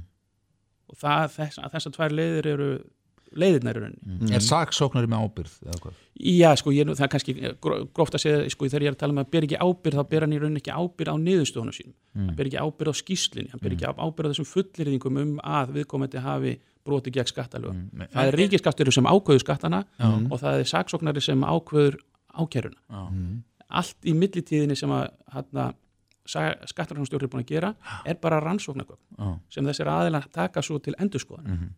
En kannski svona eitt að, eitt að lokum um, sem manni, manni dettur í hug. Það er, eru hugtækja mannréttindi. Já. Hvar eru þau þann? þau hafa einhvern veginn tapast í þýðingu þarna og, og, og þetta er þannig að skattsvíkuru mjög, hvað ég að segja, vinsalt hugtak, það er að segja það eru allir sammálum það að skattsvík eru mjög slæmt, eru þjóðhastlegt mein eða þú ert að svíkjunda skatt eða borga ekki rétt til samfélagsins og sama skapi hafa menn farið svo miklum offari Mm. í alls konar túlkunum um hvað er svikið undan, hvað er raunverulega vandamálið og svo framvegis. Þannig að þegar kemur að heimildum til kyrsetningu eigna eða þá að, að eh, huga að mannréttindum í skattamálum Mhm. að þá dettur það bara einhvern veginn niður Mhm. því miður. Það, en þeir sem lendi í því, þeir, þeir lenda mjög harka leiði. en, en þessu málu að vísa frá á, á forsöndum Mannréttinda. að síður Já. og þar alvegandi fer þetta yfir í landsrétt. Og uh, þá náttúrulega, og hvernig verður þetta að vera eh, tekið fyrir þar, veistu það? Það er náttúrulega eins og þið þekkið ákveðin vandamáli landsrétti út af mannréttindum. Og það er komin sko náttúrulega ykkur, ykkur halið þar. Mm. þannig að þetta getur þýtt að þetta, þetta verði ekki fyrir nekkun tjón á næsta ári og, Mm. og, og hvenna niðurstæði verður bara óljós Og, og meðan hafa menn þetta hangandi yfir sér en, en er það rétt sem ég tók eftir að þeir viðurkendu það að þeir hafi ekki greitt skatta sem skildi Já, málu komið bara algjörðu opna skjöldu þeir Já. vissu ekki annað að þetta væri bara allt í, í fínasta leik og vantarlega í höndum einhvers endurskoðanda að ganga frá Þetta væri í höndum uh, færustu endurskoðanda ekki bara hér á landi heldur erlendis líka þannig raun er það endurskoðandi sem gera mistök eða hvað Það er málsástað þeirra í efn, efnislutanum Mhm. þeir hafi í rauninni ekki með sagnanum hætti Nei, dreigið Nei. undan skatti heldur hafi þetta bara gerst já. e, þeir hafi ekki góðri trú hver er Eh, það ábyrð endurskoðanda? Já, það reynir svolítið á hana líka í þessu máli. Þannig að, að hann er sá, sko, það er búið að vísa frá hluta hljómsveitarinnar þess hluta málsins en mál gegn endurskoðandunum er ennþá inni, já, af því að það er ekki sama sem er upp á teiningnum þar. Já, og það er þessi 712 daga pluss 622 og svo uh, heldur þetta áfram í landsrétt í eitthvað, hvað, árið viðbútt e, Já, sko Áttu von á því? Já, við skulum frá, ef- segjum svo að, að, að landsveitur hafni frá þessum segjum að hafni frá þessum kannski februar, mars eitthvað svo leis, mm. þá þarf að byrja efnislutan sem hefur bara beðið eftir þessu Mhm. og það er í héræði það munur vantalega þá klárast ykkur tíma næsta haust Mhm. og síðan fer það sá efnisluti til landsrétt að setja ykkur miklu lengra tíma heldur en kæra í frá þessu þannig að það eru svona tvö ár í viðbútt Mm. mögulega er svo heimil til þess að, að, að fá eitthvað hjá hæstarétti Já, þannig að 23 ár og, og þar að leiðandi er orðið svo óbóstna langu tími og stuttu tími sem þetta er sameila í, í, í, í rannsókn og hjá skattiðvöldum þannig að þá þegar er það ætti sko, þó var ekki náttúrulega bara þeirra ástöðu mála að falla hjá mannöttadómstólunum já. síðar. En í löndunum í kring að þið eru bara 20 sekundir eftir hvað, hvað myndi svona mál taka langan tíma heldur? Miklu skemmli tíma Helmikið meira? meira það munar svo miklu um að fara bara beint í Já. saksóknulutan Mm. Já, áhugavert. Gíska á það að- að þið séu að reyna hræri í þingunum eða breyta þessum lögum einhvern veginn. Eh, Bjartfröður Ólafsson lögmaður eh, frá Logos eh, og lögmaður Sigur Rósar þessum máli. Kæra þakkir. Þú ert að hlusta á Í bítið, hlaðvarp. En uh, það verður líka áhugavert spjall hérna næstu mínútur því að þau eru sest hjá okkur Helga Vala Helgadóttir og Brynja Níelsson. Komið þið sæl og velkomin. Takk. Fyrir. Þau gefa okkur nú oft á tíðum svolítið skemmtilega umræður hérna í- Veit það ekki. Ef við ekki að róa okkur aðeins í vendingunum. Fólki greinur á um það. Jú, jú, eins og allt annað reyndar. Eh, En uh, það er svo sem margt að ræða. Eigum við að byrja á uh, uppákomin í, í þinginu Helga Vala með er nú, held ég sé að fullir það í fyrsta sinn sem við sjáum fórsættisráðara fella tár í, í þinginu Nei, Eftir ég er ég ekkert endilega viss um það. Allavega í ræðustól. Ég, já, mögulega í ræðustól. Mm. Já, Já. og það er vegna á ég þess að tjá mig eitthvað um Nei, það? bara kannski Sérstaklega já, eða? á- á- hen, Ástæðan fyrir því eftir, eftir Já. því sem að maður sé, sko, hún er svo að Ég henni meina- fannst ha- hartaðinni veið og persónulega Já, ég, hún hefur nú ekki tjáð sér neitt um það, sko. Að, að Það að verið skilja það ástæðan-. Ástæðan fyrir því, ég, ég var nú viðstödd svona meiri hlutan að þessu, Mhm. þessar umræðu og hérna, og það var nú ekki á að heyra að það væri verið að vega að henni persónulega, sko. En hérna, En frumvarpið þá?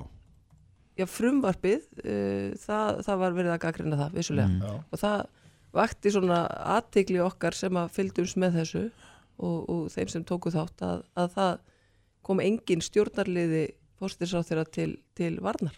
Helga vel að valla fyrir hún að fella tári við því að þessi ráðist á frumvarpið uh, Nei, ég meina maður getur fellt tár bara þegar maður er illa fyrir kallaður. Já. Bara, En það er eitthvað samt þó sér illa fyrir köllu þá er eitthvað sem svona í, ítir, það kemur því af stað já, ég meina ég hlustaði á umræðuna og, og eftir ég var farin, eftir ég var farin þá hlustaði ég á þetta bara í, í, í tækinu sem ég var með, í símtækinu, allan, allan tíman. Já. Þannig að hérna, mm Varst ég þú meina þarna ég, Brynjar? þegar- þetta var bara, já, Varst og, maður, maður, uh, já, Já, Varst þú þarna Brynjar á á þessum tímapunkti?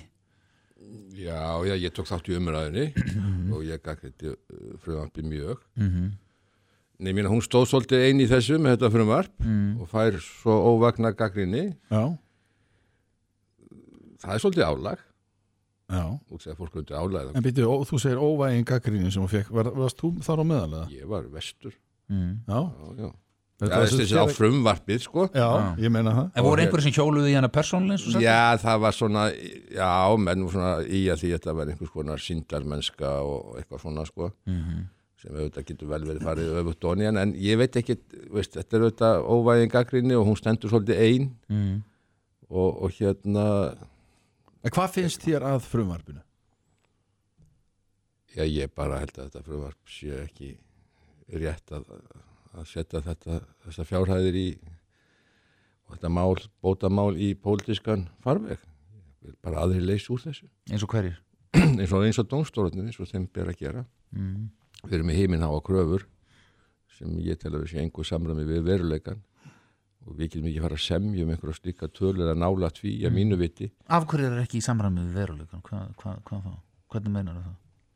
ég bara við bætur Mm. við miska bætur Mm. þær eru ekki svona háar Það eru ekki svona hár það aldrei verið Já, En kannski eru það ekki svona lágar kannski á Íslandi eða ætti ekki að vera nei, svona nei, lágar ég menna þó, ég, ég er ekki vissum að þó við færum í amerískan veruleika að þessar tölur myndir nást þar sko Nei nei, þetta er bara í mínu huga algjör út í bláin en, mm. En einhver getur nú sagt Brynjar að, þarna var uh, líf einstaklinga eða voru líf einstaklinga lögði rúst og jafnvel fjölskyldna þeirra og, og hvernig ætlar að Já, meta haft sko- hvernig metur þú hvernig metur líf ég meina Já, ég meina, hvernig meti, við, við erum að meta líf, við metum fólk sem verður örkumla bara strax á unga aldri Mhm. með Það er nú- 100% örorku og 100% miska. og oft gaggrind hér hversu það er smá smugulegt og smánalegt Já, já, það, menn geta haft eitthvað skoðan að því. Ég er bara að segja að við verðum að vera eitthvað til íslensku veruleika þessum málum svo öðrum málum, sko. mm. En við íslenski veruleikum, það, við erum að ræða hann mitt er hann kannski ekki alveg raunverulegur Jú, jú,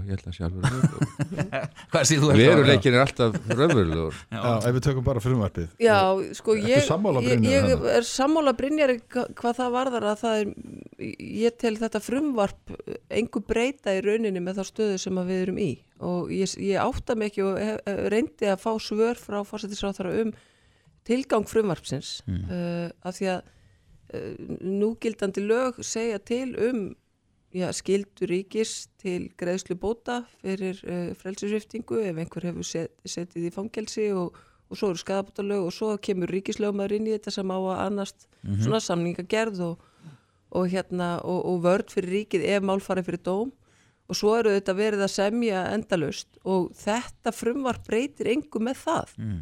ég, hvort sem við samþykjum það eða ekki, ég, býst nú við að það renni gegnum þingið eða ég veit ekki hvað sjálfstæðismenn ætla að gera mm. eða sjálfstæðis fólk að þá hérna, þá ásamt eftir sem áður eftir að semja Mm. þetta er ekkert búið þarna og ég skil ekki alveg tilgangi með þessu frumvarpi mér finnst þetta líka bara svona fordæmis eh, gefandi að vera að koma með svona óbáslega einstakt mál inn í þingið á sama tíma og það er ekki fyrir domstólum Mm. mér finnst það skrítið, ég reyndi að spurja uh, Katrínu út í það hvort að, að því hún talaði mikið um aðstandendur og það væri verið að setja, gefa þeim ákveði vægi þarna, Mhm. að þá spurði ég hana hvort að, uh, að því ég get ekki séð það á lestri frumvarpsins, hvort að það er verið að gefa aðstandendum, börnum og maka sjálfstæðan rétt til bóta vegna eiginmiska og hún gæti ekki svara því Mm. uh, hvort að þá allir aðstandendur líka þeirra sem eru á lífi eigi þá rétt á þeim bótum Mm. og, og mér finnst þetta bara ekki gott af því að við erum auðvitað lögjafin og eigum að vanda okkur og þess vegna finnst mér einhvern veginn uh, allt í kringum þetta frumvart mjög þetta ekki og mjög það, það er bara mitt hlutverk Já. uh, á þingi að benda á ef að manni finnst frumvarp illa útbúið en, en, svo er ég hins vegar algjörlega ósamála Brynjari þegar kemur Ha? að, hérna, ótrúlega þegar kemur að, að, að máls ástæðunum í þessu og hérna Mm. og, og, og, og nöðsinn þess að borga þessu fólki bætur getur ekki- bara getur ekki verið sammála því að þetta sé, mjög ein, þetta sé einstakt mál í réttarsögu landsins Uh, jú, ég vona að það komi aldrei Þegar- uh, neitt viðlíka aftur Nei. en það hefur, Þegar- það hefur hins vegar gerst Já, eftir en- það að fólk en- siti í fangelsu og er síðar síknað Jú, Þegar mál er einstakt í réttasögunni, finnst ykkur þá rétt að stjórnmálum er leysa úr því? Er ekki rétt það að sko það dómstóla leysa um því? já, og fyrir utan það hvernig við eigum að fara að gamla með einhverja fjárhæðir Bit- inni sko. Já, er Svo er líka annað þessu sko. Svo veit enginn sko, hvað hva mikil þáttu var þetta mál í heldarefsingu mannana? Dómstóla fengu aldrei að tjá sig um það, eða það var skoðan á því. Menn var aðtúa sko, það, það er margt óleist í þessu. Og svo ætlum við einhvern veginn að að koma hérna og taka þetta í okkar hendur. Ég, ég, er bara, ég er ekki þar sko. Nei, nei mm. og eitt í viðbót þar sem að ég spurði uh, fórsetisráðara út í uh, og hún svaraði engu af hverju er mál Erlu Bolladóttur ekki nefnt þannig Mhm. mér finnst það eiginlega alveg nýr, nýr hérna, já það var ekki endur upptekið en, en sjáu þið stöðuna sem að svo kona var í? Mm. kottung með kvítvóðung Nei, ég meina hvað, þú veist, Hún er að láta eins og hún mannskja hafi er verið, verið kvítvóðung sem hefur verið í fangilsi eða ákjær að sko. láta eins og hún hafi verið frjáls kona í einhverju sakbendingu hérna fyrir 40 árum, það er auðvitað bara það er auðvitað alveg fáránlegt sko. Þú segir dóms, dómstólar að, að, að skera úr um þetta Já, já. Ég, ég, ég mér langar að spyrja að því að fyrir okkur sem ekki vitum þið, þið náttúrulega eru lögmenn og þekki þetta kannski betur en við þannig að dómarnir ætti að vega og meta hversu bætunar ætti að vera háar Já, eins og öllum öðrum Já, og, og, og, og hvað, hvað, hvaða, hérna, hvað nota er til þess að komast að þeirri niðurstöðu? Hvað, hvað taka þér til? Það er nú, þeim er nú mikill vanda á höndum í þessu máli Mhm. vegna þess að þegar máli var endurtekið og krafið síknu Mhm. þá var ekki krafist neitt eh, breytingar á ákvöru refsingar Mhm. það var aldrei gert vegna þess að þetta mál var bara eitt hluti ákjöruljóðun var ekki fleiri ákjörulíð Já. meðan annars rangar sakakiftir Mhm. og fleiri alvarleg brot brenna, naugun og svo framvegis uh, það, það er, það, við vitum ekkert byrju, hvað var felsifningi mikil út af þessu. En getið þið bæði verið sammála um það að, að ríkið ætti að, að bæta fólki uh, tjónið? Já, úr því að málið er komið þannig Já. farveg og það var farið tekið út dóstólunum, sett í stjórnvöldir stjórnvöldir endurtöka máli, stjórnvöldir krefja síknu Mhm. og svo, þá verður auðvitað dóstóla bara að síkna það annað. það er allt búið að taka þetta af dóstólunum úr því að það er búið að fara þann farveg þá verður auðvitað að greiða bætur það er spurning hvað það gengur langt gengur Hefur það, skoðun á því? Hvað, hversu háar þær er að vera í hverju tilviki fyrir sig? Kannski ekki nákvæmlega þessu því að ég hef auðvitað ekkert farið ofan í það hvað var eðlileg refsing fyrir, hitt sem eftir stóð og svo framvegis, það skiptir máli. Frumvarpi breyti bara engum þetta. Nei, ég, ég veit það. Það er það sem er einhvern veginn svo skrítið við þetta frumvarp. Og það var það sem umræðan snýrist um meðal annars þarna í fyrrakvöld. Þannig að sko, finnst það rámt sko, að koma við ykkur hvað til sérstaklega hvers er þetta frumvarp? Já. minna fórsetisraður að það alveg geta komið bara fram og, og líst því yfir að, að hérna, Íslands stjórnvöld ætla að greiða bætur eins og þeim ber. Að vísust til vitið. Til varna fórstæðarára þá er hún líka kannski að reyna að tryggja það að, að það sé augljós vilji lögjafans að aðstandinu fái bætur líka En, en þú nefndir það að, að hún var svolítið eini í þessu að þið bæði sögðu frá var Hva- Hvernig, hva, hva, hvað meinar þá með því? Hverjir hefðu átt að vera þarna henni til stuðnings til dæmis? Nei, nei, ég er bara Stjórnarliðar? stjórnarliðar einhver leiti sem eru saman Þínir liðar sem Já, já, já, en ég, okay, ég saði henni fyrirfram Mm. að ég væri á móti þessu frumvarpi Mm. Og, og hérna, ég myndi fara í ansvar ég myndi fara í En hvar var þinn formaður? Akkur er hann ekki henni til stuðnings? Ég, ég get nú ekki svara að þú voru að spyrja hann á því hvað Spyr þú hann ekki að því? Nei, nei, nei, nei, ég spyr menn ekki hvað þeir eru bara að sinna þessu sjálfi sko. Já, er ekki óeld að hann skulle ekki taka þátt í umræðunum? Nei, nei, það getur verið ímsa ástöð fyrir því Dómsmálráðara Dómsmálaráðherra? Já, já, nei, nei, sko, ég er bara að segja það að, að, að, að ég, ef ég setti mig í spór fórstæðarára og fæ sko guðsuna yfir mig og stend einhinn í vörninni og ef ég ef illa fyrir kallaður ég, ég getur vel verið í minns að gæin ég sko myndi fella þá sko sem ég vísu að gera oft en, en hérna. En það er ekki í þessu máli það er Það, já, ég er líka þú einhvern veginn, þú veist, það er baunar á því þú veist, þetta er Já. Já, Þess að að er þið eru- skrítið að að stjórnarliða skildi ekki bara valdana sko, Já, en- eins og gerist í þinginu. En þið eru sammála þá bæði þið eru sammála um að, að þetta frumverf eigi bara ekkert fara í gegn við, við vorum næstu búin að stopna sko nýja flokkan Já, við vorum svo mikið sammála. Já, Já, það- þannig að e, e, þetta frumverf er ekki þá að fara í gegn Nei, ég- Jú, það getur vel verið, það kemur bara ljós. Ég, ég, hérna, það þarf að ljúka þessu máli einhvern veginn, ég er nú bara ég er sko búin að vera með þetta í 45 ár sko. Já, en, en sjáu þið bæði sem lögfæraðingar er þetta fordæmisgefandi þetta já, frumverf? já. Er Já, á það er það- ríki vona á einhver Það- það- sem- málsóknum? Það er það sem ég hef áhyggjur, þetta er ekki fyrsta málið og þetta er ekki síðasta málið það sem menn telja að nýðustaf í dómstól hafi verið raung Mm. og ég er svona ekki mjög hrifin af því að það sé verið að fara og setja frumvarp um það að í þeir sérstöku einstöku máli frumvarp þessum tægi Þannig að þetta er stór hættulegt frumverf fyrir ég, ég, ég, ég veit ekki, hvað- þetta gerir svona ekki oft, þetta er ekki stór hættilegt en ég menna ég, ég held að bara sé ekki rétt að leiðin. Mm. Já, ég meina við erum, fyrir nokkrum árum var, var eh, einstaklingur sem fekk málsett endur upptekið og var síknaður í kjálfarið og, og, og þá veltum maður fyrir sér líka bara aðstandandum þess einstaklings eh, geta þeir núna óska eftir því að það verði búið til sérstætt frumvarp fyrir þá mm. og það, þann miska sem þeir eruðu fyrir þegar sá einstaklingur Já, sat í- í- jafnræði hjá okkur er mikilvægt sko. Mm. Ég allt ganga sko. Já, það, það er bara það Já, og hérna, og, og, og, og hvað ætlum við þá að gera? ætlum við þá að búa til sérstætt frumvarp fyrir hvert dómsmál eða? Já, e yfir, í, yfir í annað og kannski allt, allt annað. Það er fiskurinn, þið voru svolítið skömmuð hérna í þættinum í, var ekki í gærgulli? Jú. Já, Voru við? Já það er þingmenn svona yfir höfuð kannski. Og ekki síst uh, sjárótsráðra fyrir það að, að, að uh, sitja hjá og gera ekki neitt og horfa á allan að fisk fara og landi hér óunnin. Og uh, eftir því sem aðalsteit Baldursson uh, verkalýsleitóðin og Húsavík sagði um 500 störf uh, þar landi missu við af þeim og, og, og svo framins svo og ríkið upp endan tapar fullt af peningum. En þarna sé verið að brjóta lög og þingi sitt hjá að gera löst og ráð þeirra líka hvað sé við þessu? Ég bara veit ekki sko, þingi sé að brjóta lög. Þingi sitt hjá aðgera löst heyrist ekki til þingmennum meðan brotinu lögin sem að lög- þingi setja já, já, ég, sko, það, það auðvitað ráð þar ekki að fara að brjóta ykkur lög. Það hlýtur að hafa ykkur ágreiningur um það. Hann situr hjá aðgera laus og hann nefndi annarkvort var hann, nefndi hann þess ekki eða hefði ekki áhugað þessu Nei, ég meina, sko þetta er oft gerst á þetta er sveiflukent, hvað er mikill útlutningur óunnu fiski þetta er svona að fer eftir markasvæðstafum á hverju sinni Mm. ég veit ekki til þess að þessu lög sem bannir mönnum að flytja fiskin út óunnin kannast eitthvað við þau lög Mm. ég meina, ég held að þetta sé bara eitthvað þvælu umræða sko. mm. Þetta snýstu þetta um, sko, þetta er byggðamál, Akkurat. uh, þetta er vinnumarkasmál, Mhm. uh, þetta, þetta, þetta snertir við fjárhag bæði ríkisins og sveitafélaga þegar, þegar uh, fiskurinn er fluttur úr landi þannig að fiskvinnslunar uh, get ekki keft fisk á markaði Mm. og, og verða þá bara að loka og segja upp starfsfólki og þess að þar og ég eh, heyrði hérna viðtal við uh, sjávrútisráþurra í ríkjusúttarpinu held ég fyrir að daga eða eitthvað og hérna og ég tók eftir því að hann talaði um að það væri ekkit óeðlegt við það að, að, að útgerðin reyndi að fá sem mest fyrir sinn fisk. Það væri bara markaðslögmálið og, og ég get alveg tekið undir það.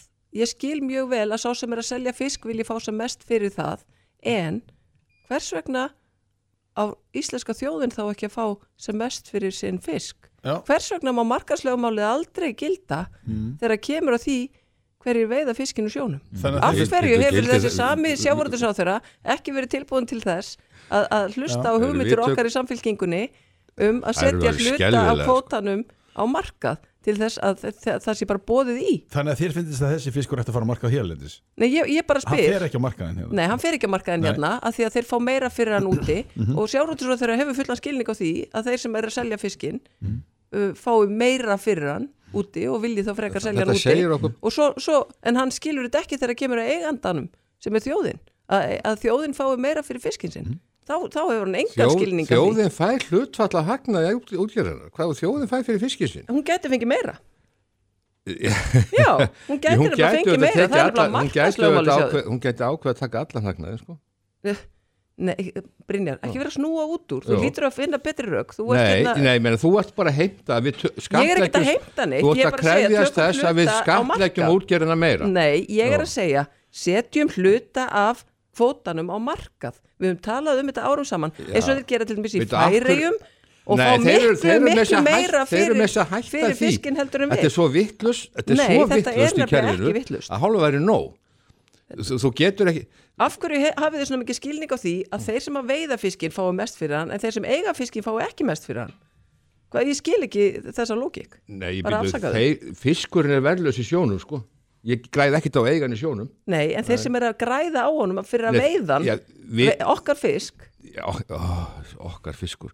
Nú, þetta, þetta, þetta, það áenginn að fisk. Þessi fiskur bara siglir í sjónum. Sindir en við, á grundið okkar fullveldisettar þá getum við stjórna fiskveiðunum við landið þetta þetta eignar, já, ég á fiskin þjóðin á fiskin, það áenginn að fisk. Leiði bara fiskinn að vera í friði þá til við veiðum hann. Og hérna, það er annur umræða. Ég, ég, er bara, ég er bara að segja, ástæðan fyrir því að þessi unn, fiskur er ekki unnin hér er að bara þessi fiskveisla er bara ekki samkeppnisæð En þannig að er lögin eru á há. Já, já miða við það sem gerist í samkjömsundandun greinilega, já. Og, og þess vegna gerist þetta stundum en auðvitað er þetta alltaf spurning um það að, að, að hérna, við getum gert betur. Þetta er greinilega sveiflukent Já. stundum eru við að vinna hérna heima og stundum er staðan og markaði þannig úti að það sé betra að selja en óunin einhver leiti þetta er ekkert nýtt, þetta er ekkert merkilegt. Já, ok. En sérðu En ekki er- tapið í þessu? En eigum við ekki að þá bara þegar að uh, rækta grænmeti og allt af því að við fáum þetta ótir, ótir einhverstað annars þar eða? við erum að rækta græmiti Já, nei, ég er að segja, hægt innflutta grænmeti Já, stundum bara erum við ekki samkjæmslega og stundum bara ræktum við ekki eitthvað af því að við erum ekki En þetta er svo skamsýnt að því að við erum að horfa hérna á mörg hundru störf glatast út úr þessum bransa og þeim eru alveg nákvæmlega sama Þetta er bara eitthvað fólk, þetta er bara eitthvað tölur? Nei, við erum okkur ekkert nákvæmlega sami. Við erum er bara að er segja Við verðum bara að segja Við erum að tala bara heilu sveitafjölögin, byðalögin og fólk þarf að flytja. Og það bara, þetta bara snertir ekki Þetta er við maður, ein þetta er bara eitthvað svona- er ætlar að er er skilda þess að áhugavert. Nei, Ég meina það er bara að setja meiri fisk á markaðin hér er innlendis Mm. til þess að hérna innanlands til þess að það sé möguleiki að starfa við þetta Já, E- já, já, allavega það er ljóst að menn eru ekki sáttir í, í þessu málibrinnir og, og víða um land það er alveg ljóst. Ný, menn, það, er, En- það er ekkert nýtt. En förum aðeins út fyrir landstyrna, bara svona rétt í lokin og, og uh, má ekki segja á, á, sama degi og, og friðar uh, súlan var tendruð þá ákveður NATO þjóð að ráðast inn í uh, aðra þjóð. Reyndar segir hún sjálf, hún segir ekki að ráðast, hún segist vera að verja sig. Einmitt. Hvað segir þið? Ég veit ekki Við erum að tala um Tyrkju þetta Já, já, já. Þú er ekki kynntir þetta mál Nei, ekki, ég, sko, ég veit, ekki sko, ég veit bara að Tyrkir líta á þessa hópa sem skærlega hópa Mm. Já. og, og hérna ég veit ekki hvernig það er Já, ég meina, ég, það þarf að leysa þessi máli einhvern veginn, bara að sé einhver, einhver svæði fyrir kurdana sem, sem geta verið sem einn þjóð eða Það kemur ekki til greina, hvorki sílendinga niður Tyrki vilja það. Nei, nei, og ég meina þá er það bara að vera hluta Tyrklandi eða hluta Sýrlandi eins og að önnur þjóðabrót eru. En þeir hafa rétt fram þá sáttarhönd, það þurfi ekki að vera sérstök þjóð. Þetta er alltaf algjör hryllingur sem á sér stað þarna. mm. Þetta er bara, þarna hefur, hefur stærsta ríkið ákveðið að veita Tyrkjum leifi til að, að framkvæma þjóðarmorð og kúrdum. Það er bara þannig. Með því að Með bara, fara með bara, með með bara einni, einni tilkynningu þá bara bakkar bandaríkja hér út Mhm. og segir bara vesku, hérna er hlaðbár En Helga Valg, hvar er Evrópusambandið? Já, hvar er Evrópusambandið? það er mjög góð spurning. Já. Hvar eru íslensk Akkur á stjórnvöld? Amerikan að bera ábyrð á nei, Hvar eru ekki, íslensk spyrjum- Hvar er Evropasambandið? Eru Evrópusambandið? all- hvar eru allar þessar stofnanir sem eiga að rísa upp á aftur? Má ég spyrja þig, Ég bara hef ekki hugmynd um Er það rétt sem að þið stundum komið fram í þessum þetti að það sem Tyrkir eiga á Evrópusambandið er það að ef þeir fá ekki að gera það sem þið vilja gera þá bara opna þeir alla flóðgáttir fyrir flótamenn í Evrópu Já, og ég- þar að leiðandi er Evrópusambandið ekkert að þennja sig Ég, ég, ég bara leifi mér að efast um að þetta séu rökin og ég vona þau að þá? svo sé ekki. Hver eru það? Það Ég held heyrist bara ekkert í Ég held að þetta sé bara einhver svona diplomatísk hérna, vittleysa sem hefur farið í gang Mm. og að það séu allir einhver staðar að- melda með sér hvort þeir þurfi ekki bráðum að fara að bregðast við. Mm. Þetta er eitthvað svoleiðis. Ég menn það heyrist bara nánast ekki neitt. Sko. Mhm. Mér finnst það bara graf alvarlegt. Mhm. Mér finnst það. Já. Þetta er bara hérna, eitt fullvalda ríki að ráðast á annað. Þannig að Evrópusambandið er að klikka þetta Nei, ég meina það eru allir að klikka. mm. Það eru bara allir að klikka. Hvað getum við gert eitthvað? Já, við getum auðvitað fordæmt þessa þennan Mm. ríkalega verknað. Við getum gert það, Íslands stjórnald eiga að gera það. Við að gera það, Klárlega. Já, Brynjar? Ég, ég, bara sé, ég, ég, bara fordæmi allt svona að þú ferð á milli landamæra með, með einhverju svona hætti sko. og hérna og ég bara ég þekki þetta, þetta illa þetta mál allt saman en, en það er sama þeir fara þú yfir landamæri sko. Mhm, Mhm. nákvæmlega. og ég, hérna, ég bara skildi ekki Þeir fara einhver held í 20 kílómetra inn í Já, já, ég Sýrland. meina Na- 400 sko, kílómetra breytt NATO, hvað segir NATO? Akkur, akkur hérna segir NATO Já. bara, heyrðu, þið farið ekki að inn Nei, nei. En Þeir segjast vera að verja sig sko. Já, þú, ver, já, þú verður ekki með því að fara yfir landa með annara Þetta er að eyða ógninni sem að stað já, já, já, já, ég meina þetta hafa lönd oft notað og, Mhm. og ég veit ekkit hvernig það er í sjálfur sér, hvort það sé ógt þarna og hversu mikið hún er þá ef hún er það hafa 11.000 kurdar Mhm. dáið í, í, í stríðinu við ISIS Mhm. að reyna að verja hérna, heiminn fyrir, fyrir þeim hriðiverka samtökum. Já.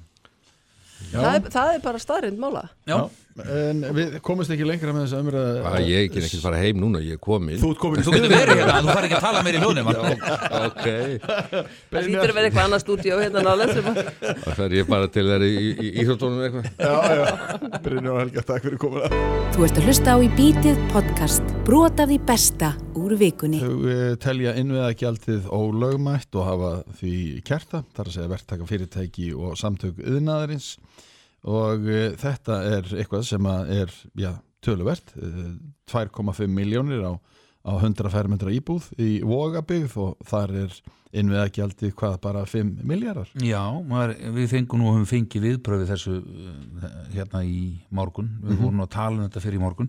Þetta væri nú bara einn óþarfa skatturinn ekki, ekki sko settur á raunverulega með lélugum rökum og vel engum fyrst og fremst þess að ná í peninga sem að sjálfsögðu endanum kemur frá þeim sem er að kaupa íbúðina Já. Í símanum er Eithor Arnalds Oddviti sjálfstæðisflokksins í borginni, komdu sætla góðan daginn Sælir. Ég sagði, getur þið tekið undir það? Algjörlega, og það er ekki bara að þetta gjald sé mögulega ólögumætt vegna þess að það verður oft taka af húsbyggjum, heldur er þetta bara óskinsanlegt því að við séð að húsnæðisverðið hefur hækkað mjög hratt Mm. í Reykjavík. Eh, Það hefur verið lítið frambóð af hagstæðum einingum en, en svo líka þessi gjöldölsumul. Þau íta fólki eh, til að flytja annað og við höfum séð að vöxturinn er mikill á Selfossi, Reykjanesbæ, Mósulsbæ, Garðabæ og það er meðal hans vegna þess að gjöldin í Reykjavík eru það há. Eru ekki innviðagjöld þar? Þau eru miklu, miklu læri. Þau gjöld sem eru lögð á í En er sérstætt innviðagjald í þeim bæum, veistu það? Þeir, kall, þeir kallaða nú ekki þessu nafni eh, en, en Reykjavík er í sérflokki með það að vera að eh, setja í raun og veru húsbyggjandur eða aðeila sem er að þróa verkefni daldið yfir vegg. Mm. Eh, Þeir hafa engan annan til að semja við heldur Reykjavík. Það er að segja, ef að þú átt lóð í Reykjavík og ætlar að byggja hús, fjölbilshús, þá eh, getur ekkert leitað annað. Mm. Þeir segja þessi frjálsisamningar, en þeir eru náttúrulega ekki frjálsir. Mm. Reykjavík og borg ræður hvort að það veitir heimi til að byggja. Og þessi gjöld náttúrulega hafa vaksið alveg greiðilega og maður eru ágjörð því að þetta sé bara vaksandi vandamál. En er það nú, við vorum nú að rappa um það líka hérna í þóri morgun að að það er nú bara einhvern veginn þannig með hefðu ombera, hvort sem það eru sveitafjölun eða ríkið. Það er eins og maður fáða tilfinningun að það sé gert allt til þess að ná á okkur peningum. Og það, er hafi alltaf verið þannig. Það er alveg hár rétt og, og hérna, þetta er ekki bundi við þennan veiriluta í borgarstjórn eh, undir stjórn uh, dags heldur er þetta náttúrulega eðli hins umber og þessum er svo mikilvægt að bæði fjölmiðlar og þeir sem eru ekki meiriluta mm. standi vaktina fyrir fólkið því að endanum þá, þá þólum við ekki þessar byrðar. En hvað er þetta með ykkur stjórnmálumenn? Þegar þið komist til valda þá haf- hikið ekki oft á tíðum við það að setja á þessi gjöld þráttur að hafa kannski sagt annað þegar þið eru ekki meirluða Já, ég hef bara einu sem verið í meiriluta, það var í fjögur ári árborg og þá lækkaði fastina skattana og íbúrúsnaði fjögur, uh, finnst fjögur En tókstu af einhverju óþarfa skatta? Já, við tókum af aðalega fastina skattana, þetta var nú stuttur til hrun, þegar aðri voru nú ekki að lækka neitt, en við ákvaðum að lækka hverju ári Mm. eftir að koma til valda. Þannig að mín reynsli er þessi og síðan ákvaði ég bara að hætta að segja að þetta er gott, ég er búin að vera í ári meiri hluta. Eina hættunum er, er svo að stjórnmálumenn séu á lengi og bandaríkjumenn hafa til dæmis passað að fórseta megi bara verið átt ár. En þegar við sjáum að stjórnmálumenn eru mjög lengi, að þá verða værukærir og, og missa svona tilfinninguna fyrir venjulegu fólki. Já, en, en, en oft eru skattar líka settir á vegna þess að uh, það þarf að borga eitthvað uh, sem er inn í kerfinu. Og, og það blæs út, kerfið stækkar alltaf og stækkar. En, en, uh, og heldur það bara áfram að stækka það? Já, ef ekkert er gert, þá stækkar það. Það er bara þannig og, og, og þess vegna ég vísa aftur í bara það sem ég gerir og við þegar við vorum í meiri hluta í Árborga, þá fækkum við sem dæmis yfirmönnum um 50%, minkuðum kerfið, einfölduðum stjórnkerfið og við, við byrjuðum okkur sjálfum, en, en það var ekki bara það að við minkuðum kostnaðin, heldur var kerfið skilviskara.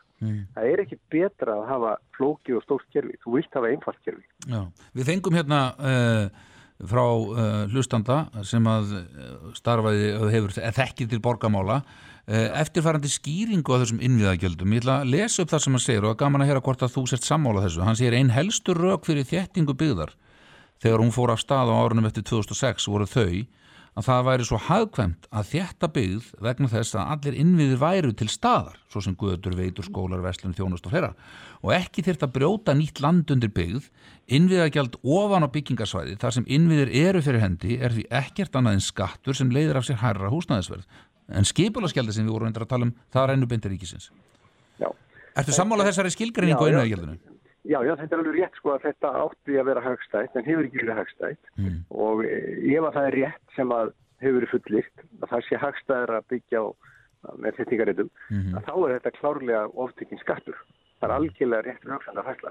En ég óttast það að þessar forsendur að það sé hagstæðar að byggja í eldribið sé bara einfallega raung. Það tekur miklu lengri tíma, miklu meiri fjármarskostnaður að, að, að vera uh, byggja á, á, á grónum reyt og það þarf ofta að rýfa byggingar. Við sjáum á kirkjusendi verið að rýfa banka, hefur verið að byggja hótela sem er, hafa áður verið bankar og, og, og, og fleiri slík, slíka stofnaðir.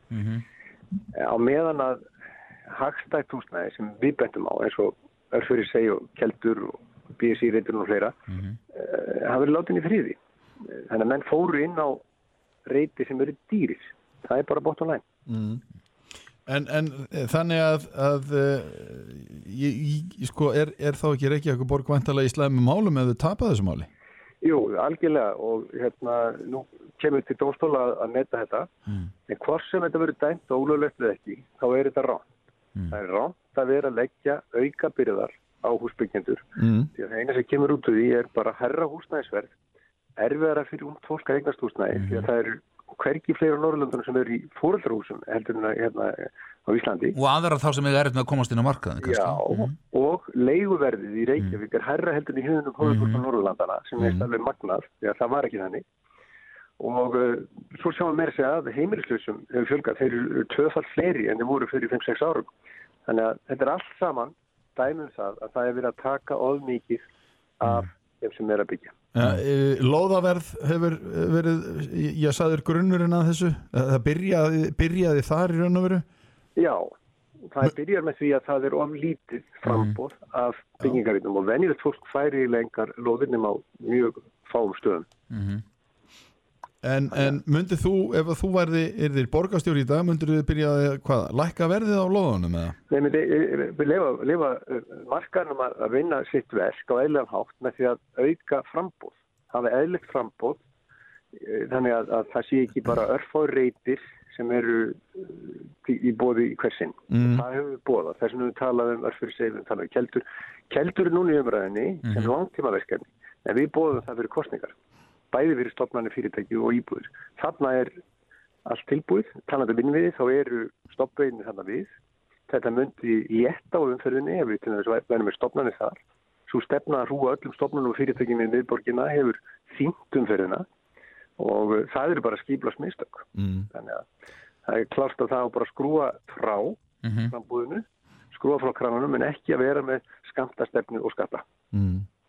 Og þar með myndi húsnaði lækka, vantalega? Já, þar með myndi nýtt húsnæði vera til á skaplu verði. Auðvitað vil ég einhverju kaupa dýrt húsnæði líka á, á dýnum stöðum. En það vantar bara alveg hýtt og þessna flýst fólk í Mósusbæ og Selfoss vegna þess að það er bara, hefur ekki annað valkost.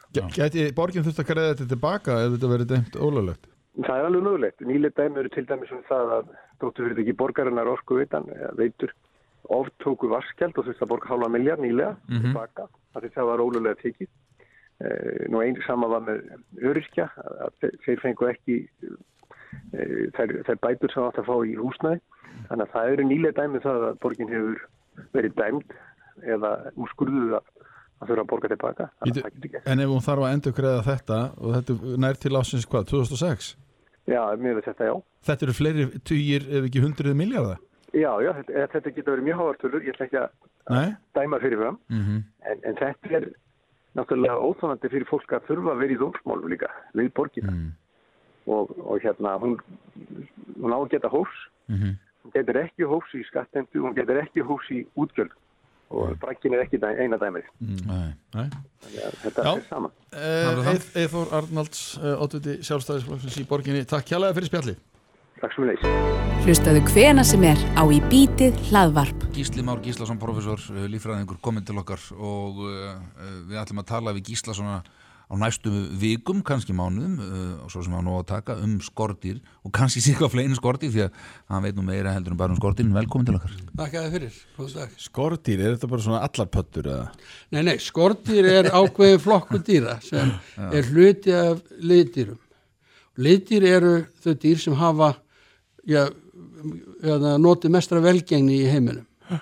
Það eru, þau eru sérstaklega byggð, þau eru byggð eins og úr rörbútum, bæði líkamun og útlimitnir, Mm. þannig það er stóðgrindin, hún er þá miklu sterkari heldur en eins og í okkur sem eru stangir, þú ætti nú að vita sem, sem trefst mér að, að, að massi af röri sem er jafn langt og stöng sem er saman þyngd Já. en rörið er miklu sterkara Já, já. en svo þurfa þau að skipta um þennan ham og þessi hamur líka hlutið að hamskiptadýri sem eru miklu fleiri að þau hérna þau eru með munnlimi og getna, hérna, og getnalimi og annað, það er úr þessu.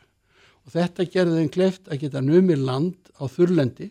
Eru fyrstu dýri sem ná þar tökum á að lifa í þurrlendi og makast í þau og, og, og æxlast á þess að, að, vera með, við vatn. Og þannig á stuttum tíma fyrir það byrja svona 300 miljónum, 300-400 miljónum ára. Já, þá dreifðustu já, dreifðustu til allra búsa á jörðinni. Síðan þróuðustu samhliða plöntum og eru þau dýr sem frjóka til þess alla blómplöntur þurfa skorti til að frjókast og við værum ekkert með nýtjaplöntur og svona við værum ekki með skortir. Þannig við værum ekki hér ef að eh, skortir Nei, nei, við værum ekki skortir eru alveg nöðsilegu hlekkur í öllu því sem gerist í heiminum. Þetta eru, það eru þekktar í dag ein miljón tegunda. Já. þetta er næstu þrýr fjórður hlutar öllu þekktum tegundin lífvera. Heim, sko ef við tökum plöntur og allt með bakteríur og annað. En, en komaðu öll úr, úr vötnum eða? Nei, nei þau, já, þau komu uppalega úr sjó, þetta er, þetta er skils, hérna, þrýbrótur sem voru hér á, fyrir svona, já, 400 miljónum ára, 400-500 og, og krabbadýrum öðru, þetta er sama uppbygging, en þessi dýr náða að komast á land, dreifa sér á landi og síðan fóruð þið í ferskvatn. Já. Þannig það eru landýri sem aðlega síðan að ferskastlífi eins og moskitoflugur, vorflugur, dæguflugur og þau sem eru í vatni. En þú hefur verið að koma hérna stundur til okkar Já. og spjallum eins og hluti svona- þannig að hugmyndi kviknaði að fá því hérna til þess að koma til okkar nokkur sinum til þess að ræða skortinu vegna þess Já. að við geskum á að svona almenningur veit voðalega lítið um skortir sennilega vegna það vill ekkit vita kannski mikið um þessi ógæslu dýr hugsa ég, ég veit ekki hver, hvers vegna en en svo ruggluðu þessu öllu saman sko, kongular eru ekki skortir og svo framvegis og svo framvegis sko. Nei, nei, köngular eru áttfællur en Þú ætlar að hjálpa okkur að skilja þetta þetta skilja þetta og skilja þetta sem al, almenningu skilur. Flestum er illa við skortir. En í flestu tilfellum þá, þá njótum við góðs að skortir. Skortir er fæða Afriku, Ástralíu og mér er að segja sko ég, ég hef borðað bjöllulifur og, og bjöllur sem hafa verið þurrkað eins og harfiskur á bræði mm. bjöllulifur steiktar, þetta gerir þetta kásur úr þessu. Nú þetta er hérna og var alltaf leiði með þér? Já, já, já, ég er ennþá að lífi og, og svo þetta með frjókum blómplanta og, og annars slíkt, en svo eru auðvitað skorti sem eru hundleiðileg og flytja sjúdóma á milli manna. Þess fáið sem gerir sig grein fyrir því fyrir heimstyrjundinni og voru fleiri hermenn sem dóu af vegna sjúdóma sem skortir bara á milli eða lúsin raunni bara á milli. Í, skur, í, hérna, í, í, hérna, í, í skottgróðunum heldur í fjallu fyrir byssukúlum Já. þess vegna var lögð áherslu á að þróa DDT áður en önnur heimstyrjaldi skall á til þess að halda lúsinni frá. En, en getur þetta verið kannski eina ástæðan fyrir því að, að, að, eða er þetta bara í genunum að fólki sé illa við pöttur ég hef nú búið í nokkru löndum og fólk verður ekki svona uppveðrað að sé pöttu heima hjá sér. Eins og við hér eins og við hér á Íslandi. Við okkur er illa við þessi dýr sem sting okkur bæði bitmýð mm. lúsmýð í dag sem er svona einhver ógvaldur sko. og svo og annað sem eru kvimleið á heimilum og þarf eiginlega útrýma, það er ekki hægt að hafa þetta heima hjá sér. Og já, við kakkalakka sem er valda ólykt og, og svona en flest skortir er í rauninni eru jáfnvel að gera okkur gagg það eru rándýr á, á, á bladlúsum og öðru sem er á, á pl- plöntunum okkar og nýtjaplöntum og það eru sem sagt positífi eða sko sem sagt jákvæðu skortir eru svo marg, marg, marg fleiri og við, við værum ekki á lífi hefðum ekki skortir, Nei, við værum ekki til. En, en að því að við erum núna svona í þetta fyrsta, fyrsta skipti Já. að ræða almennt um skortýr og við nefndum hérna áðan að fólk rugglar saman skortýrum og áttfætlum og. Já. af hverju er ekki áttfætlum bara skortýr það eins og kongulöfum það er bara allt önnu bygging. Sk- þessi aðgreinir skortir frá öðrum dýrum af, af leiðdærum að þau hafa þrjú pör á ganglimum sex fæti, heita líka hexapóta uh, og en, en köngulær sportrekar maurar og önnur dýr sem eru að þeim hópi Mm. og skeifukrabba með þessu sem eru í sjó þeir eru með átta ganglimi. Átta, eh, sem sagt, fjögur pör. Mm. þetta er í fyrsta lagi. Í öðru lagi þá hefur skortir, hafa skortirinn þróa mjög hérna já, svona flókið en, en flott öndunarfæra system. Þeir eru með æðar sem eru gerðar úr þessu yfirhúð, úr þessu, þessu stóðgrinn sem liggja til allra líffar og vefja líkamanns og flytja súrumni beint. Þannig þegar þau hafa hamskipti, þau stekka þau hafa hamskipti, þá þurfa að skipta um þetta. Mm. köngular til dæmis er yfirleitt með bóklungu sem er svona belgur sem flytur súrefni inn í líkansvögun líkansvögun er blóði og skortirum flytur ekki skortir nei hérna súrefni, bara fæðu. Og það er svona ímislegt annað sem greinir þessi dýraðs sem fólk sér bara þegar horfa á það Mm. Já, en við erum nú svona tildalega heppin með þessa hluti hérna á Íslandi, ekki satt? Þrátt fyrir það að við séum svona kannski svolítið óþróskuð í þessum málum. Já, sko við heppum vegna þess að það er svo fáa tegund. Já, við erum með rúmlega 1600 tegund. Já, og ekki margar kannski hættulegar þannig eða nokkuð Nei, hættulegar. og það, það, er, það er engin hættuleg skortir hérna. Nei. Nei, og, Þau geta og valdið engin- og engin sem að bera hættulega sjúkdóma milli eða ekki svo við vitum. Nei. uh, ég, það, menn hafa hvergi rekist þannig en það er auðvitað menn halda að, að hérna skóar mítill gæti hugsalega borið er Já, já. en hann hefur ekkert fundist hér á landi. Nú, nú það voru nú einhverja fréttir af því. Já, ég held að hann hafi nú ekki greinst með, sko, í, sko, sem hafi smitast hér á landi. Nei, nei, já, en það er fólk til sem hefur smitast í útlendu þetta er algengt Já, já. í, ekki algengt þetta kemur fyrir í Evrópu. Já, er það er skortir eða hvað? Nei, Nei. það er áttuætla, er áttuætla og, og, og sámítill en náskildu lundalúsin okkar Mm. sem er kvöldu lúsin eru þetta áttfætlum ör sem er raun og verið mítill. Já, er mítill, já, Já, já. já, stórum mikill og haga sér alveg eins. Og þetta s- þessi skóamítill hefur sérlega borist inga inn með hundum og öðru sem hefur komið með til landsins sko og ekki, ekki farið í sokvi eða, eða svona ef menn hafa hort fram hjá því. En ég held að sé nú ekkit óttast þar sko þó að þetta sé til. Um, síðan eru en þessi skortir sem valda fólki óþægend eru þau sem být okkur. Mm. og eitt þeirra er lúsin. Hún er búin að fylgja mannkinu og forveru mannsins því þetta er sama tegundur á simpansanum. Þannig að það eru komið nokkru miljón ár síðan þetta uh, hérna, hún kom á apana sem við erum afkomendur af.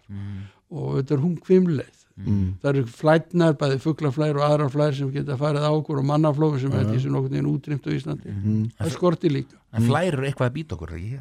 Jú, það eru fuglaflærnar. Já, starraflóin. starraflóin sem við köllum og kent við hænur á latinu og þetta er nú á flestum fuglum.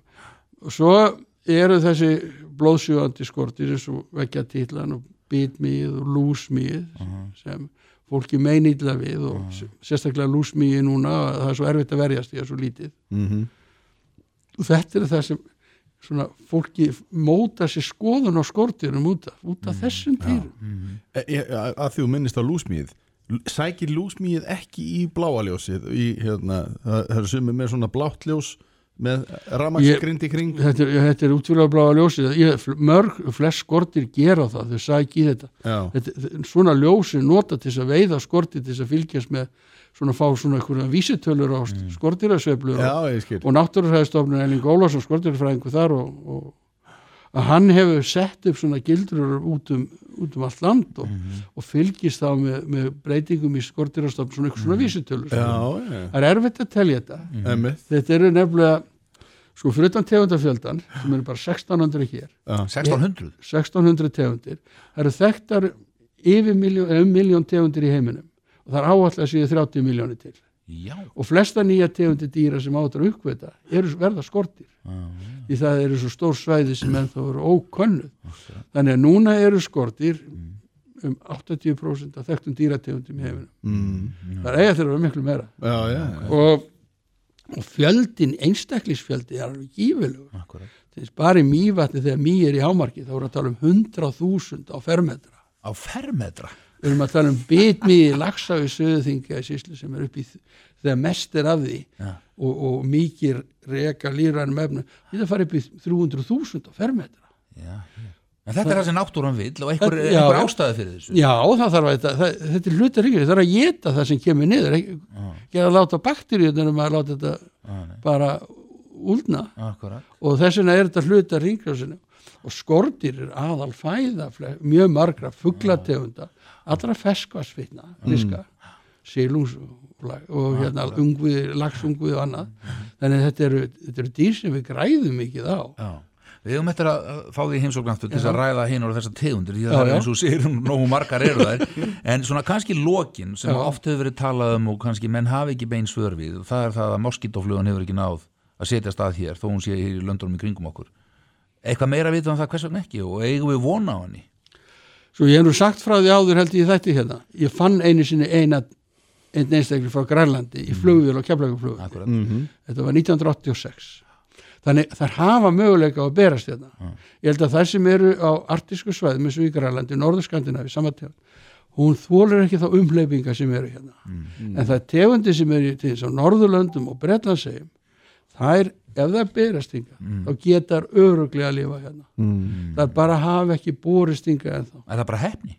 Það, já, það er bara tilvinn, held ég. Og núna, þegar, núna er veðurfar hérna, núna mjög svipað því og var í norður England og Skotlandi þegar ég bjóð þar á 8. áratögn Mm. og þá var nóg moskítoflugu þar. Það er, Já. við erum að tala um um 40 tegundir Þetta, í já, af moskítoflugu sem geta byttið okkur. En þannig að þetta er kannski bara, bara tímaspörsmál já, það er tímaspil hvernig það berast, það þarf að berast til þess að við geta mynda stopp, það þarf að geta í, í, á stað það sem er rétt, á, í rétt búsvæði og, og það þurfa að geta að hérna svona þroskast og það þarf að Já. koma stopp. Og við sjáum það á skortið þegar berast yngar fyrst þá finnst eitt og eitt eintak. Svo til til að skömmu tíma við erum að tala um tíu ár þá erum fann að veiða á sama stað í svona gildur hundruð einstaklinga.